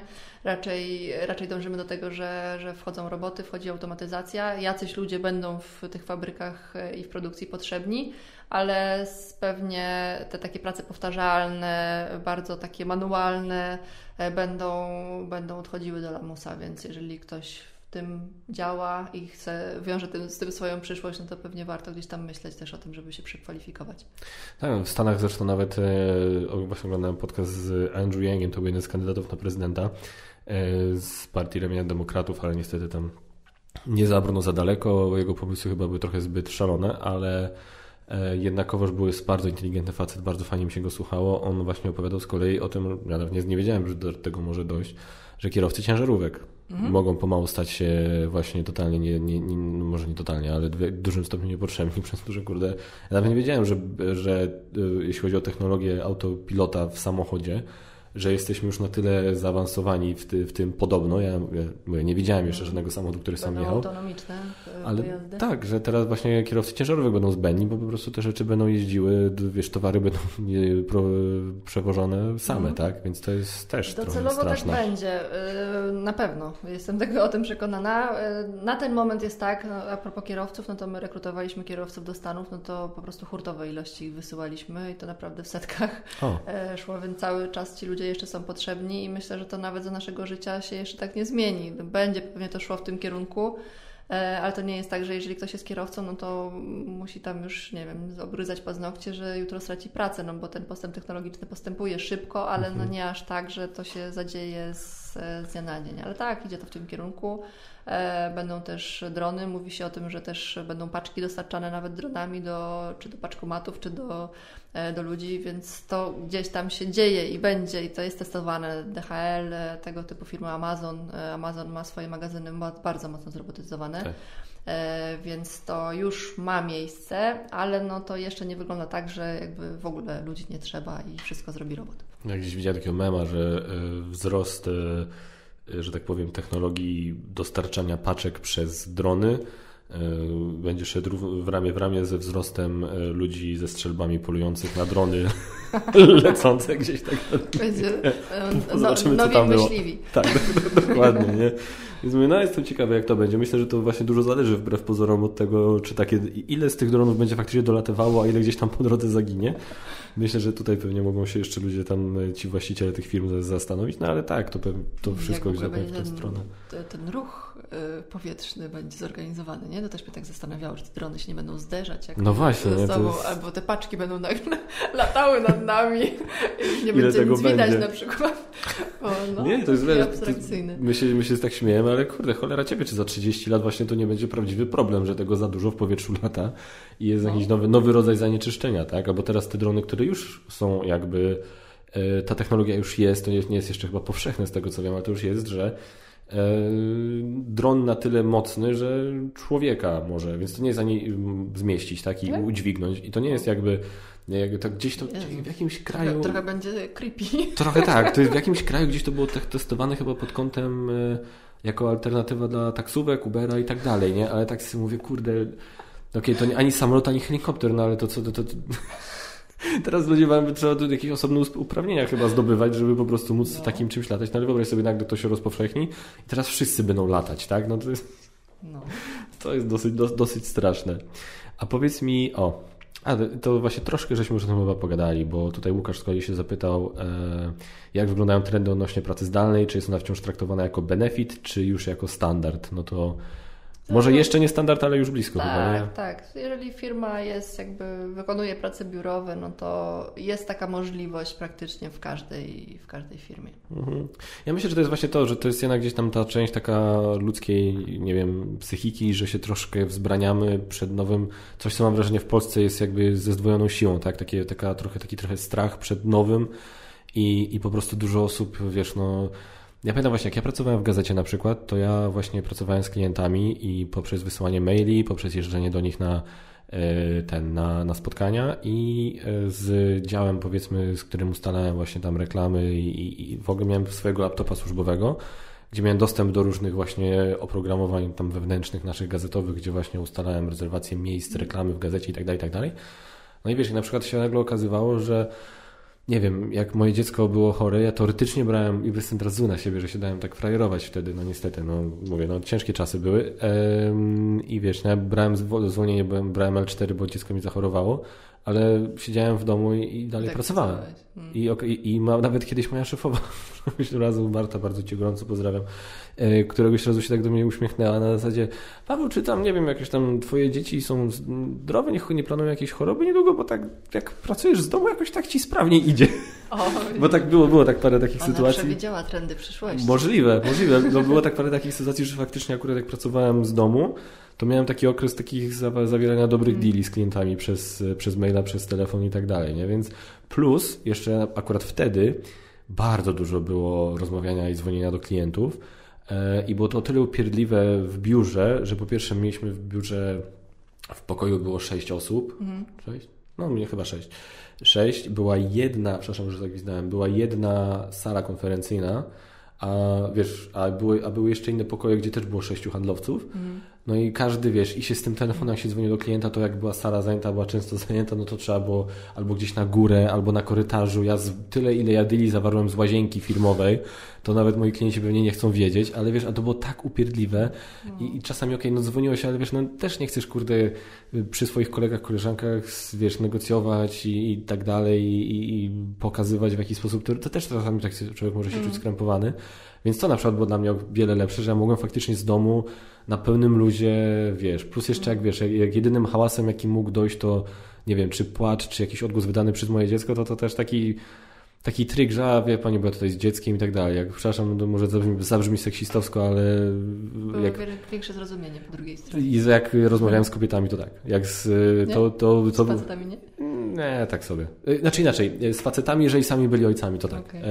To jest jakoś tak, że u facetów się coś chyba przestawia, jak sami mm. tego zasmakują, a u kobiet jest tak od, od zawsze. Mam, nie wiem, znaczy tak, tak taka moja obserwacja. A teraz to już tak chyba normalnie. Widzę, że to tak y, jakby już wszyscy zaakceptowali, że jak są tam jakieś odgłosy, nie wiem, mi się zdarzyło, że mi pies zaczął szczekać, jak mu jakiś webinar nagrywałam.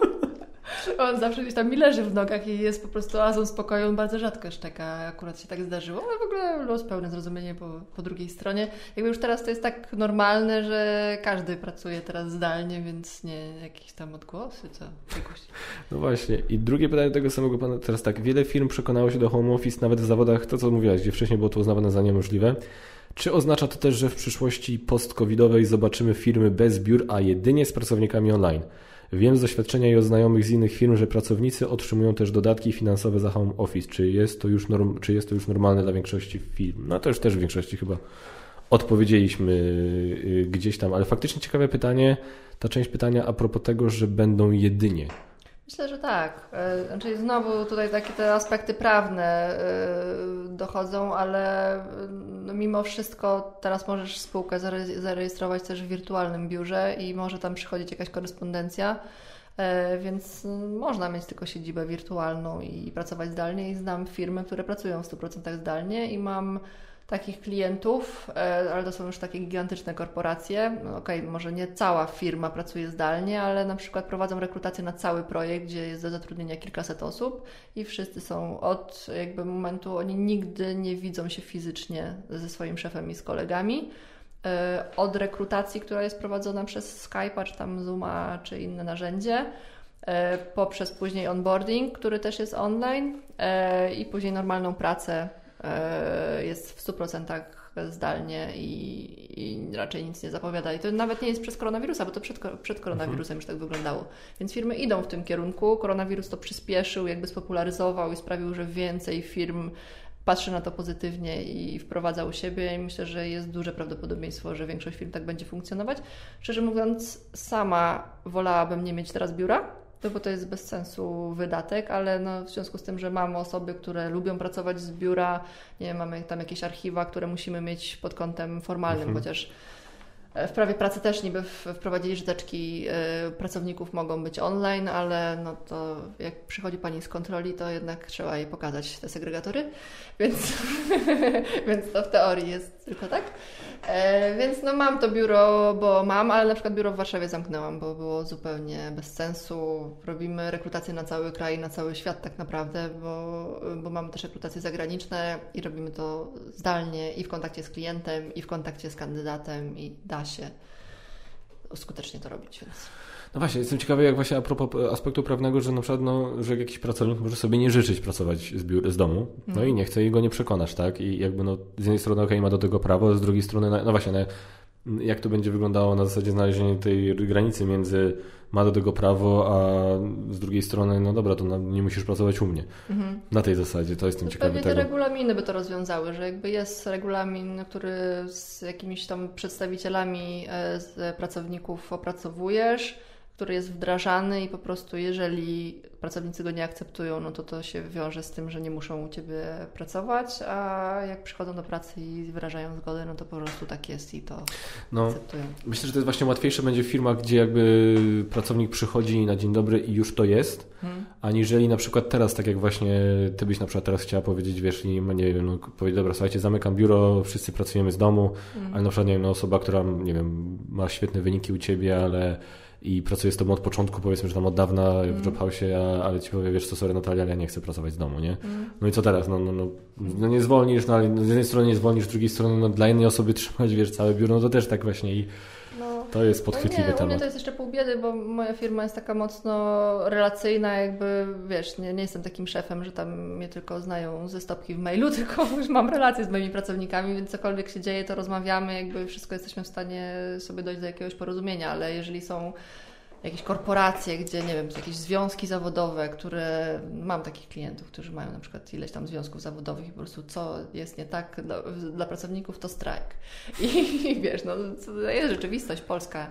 No tak. e, więc no, a prawo powinno być uniwersalne dla każdej organizacji, niezależnie od tego, czy jest mała, rodzinna, czy, czy wielka, więc no pewnie by się przydały jakieś rozwiązania legislacyjne. No tak, to na pewno. Ja się tylko jeszcze zastanawiam nad tym, nad y, takim aspektem trochę psychologicznym a propos motywacji, no bo wiadomo, no, dużo firm, gdzie, gdzie, mamy pracę, na przykład tak jak u nas są jakieś tam projekty, gdzie jest kilka osób zaangażowanych w projekt, więc jest to praca zespołowa zawsze, tak? I się zastanawiam, na ile na motywację, na morale zespołu wpływa to, że się po prostu nie widzą, że wszystko jest z domu i tak dalej, tak? Jak, jak tutaj, że tak powiem, zadziałać, żeby ludzi e, mimo wszystko utrzymać tak zmotywowanych i zżytych ze sobą do tego stopnia, mm. żeby ta praca szła do przodu. Nie to jest coś, na, na, czym, na co ja na przykład zwracam uwagę tak mm. ba, bardzo mocno w moim zespole na przykład. Tak?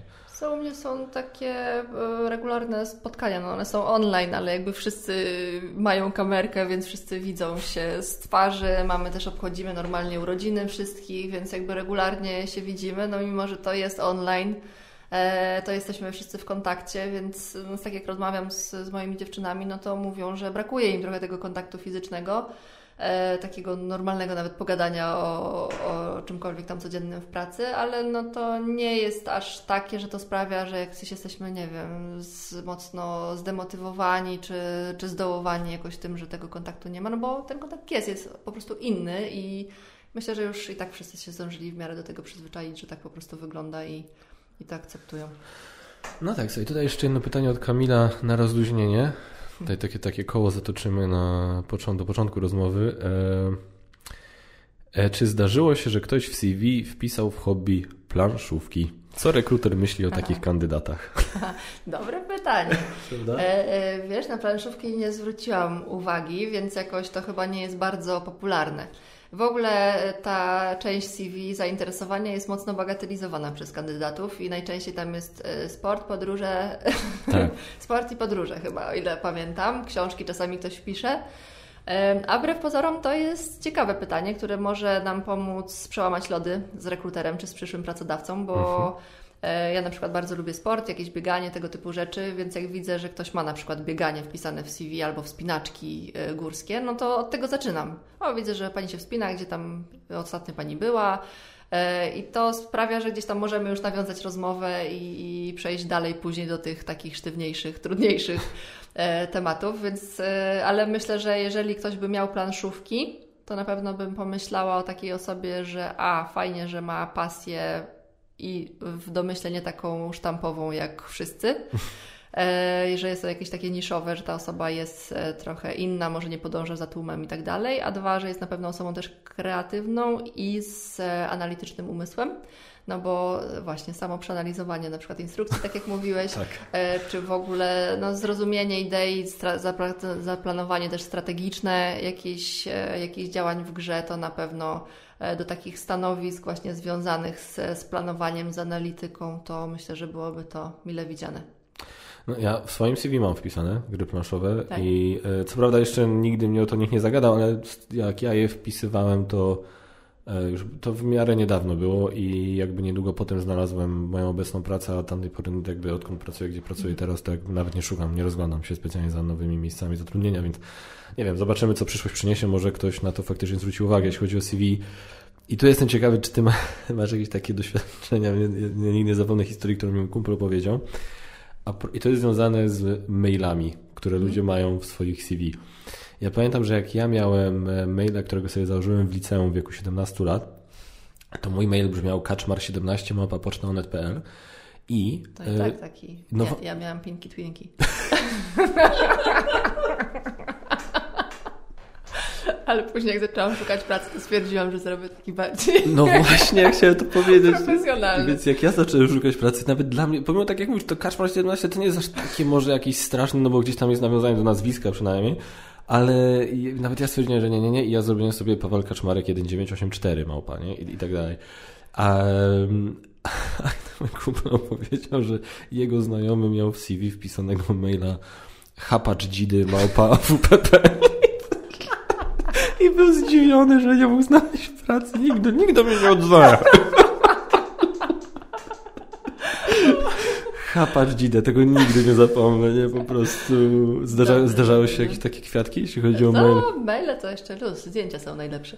najlepsze. A tak, najlepsze tak. była pani, która miała w tle na zdjęciu mistrza drugiego planu, czyli swoją mamę, która mopowała podłogę z, z tyłu i z przodu pani w selfie z takim buziaczkiem, z takim dzióbkiem.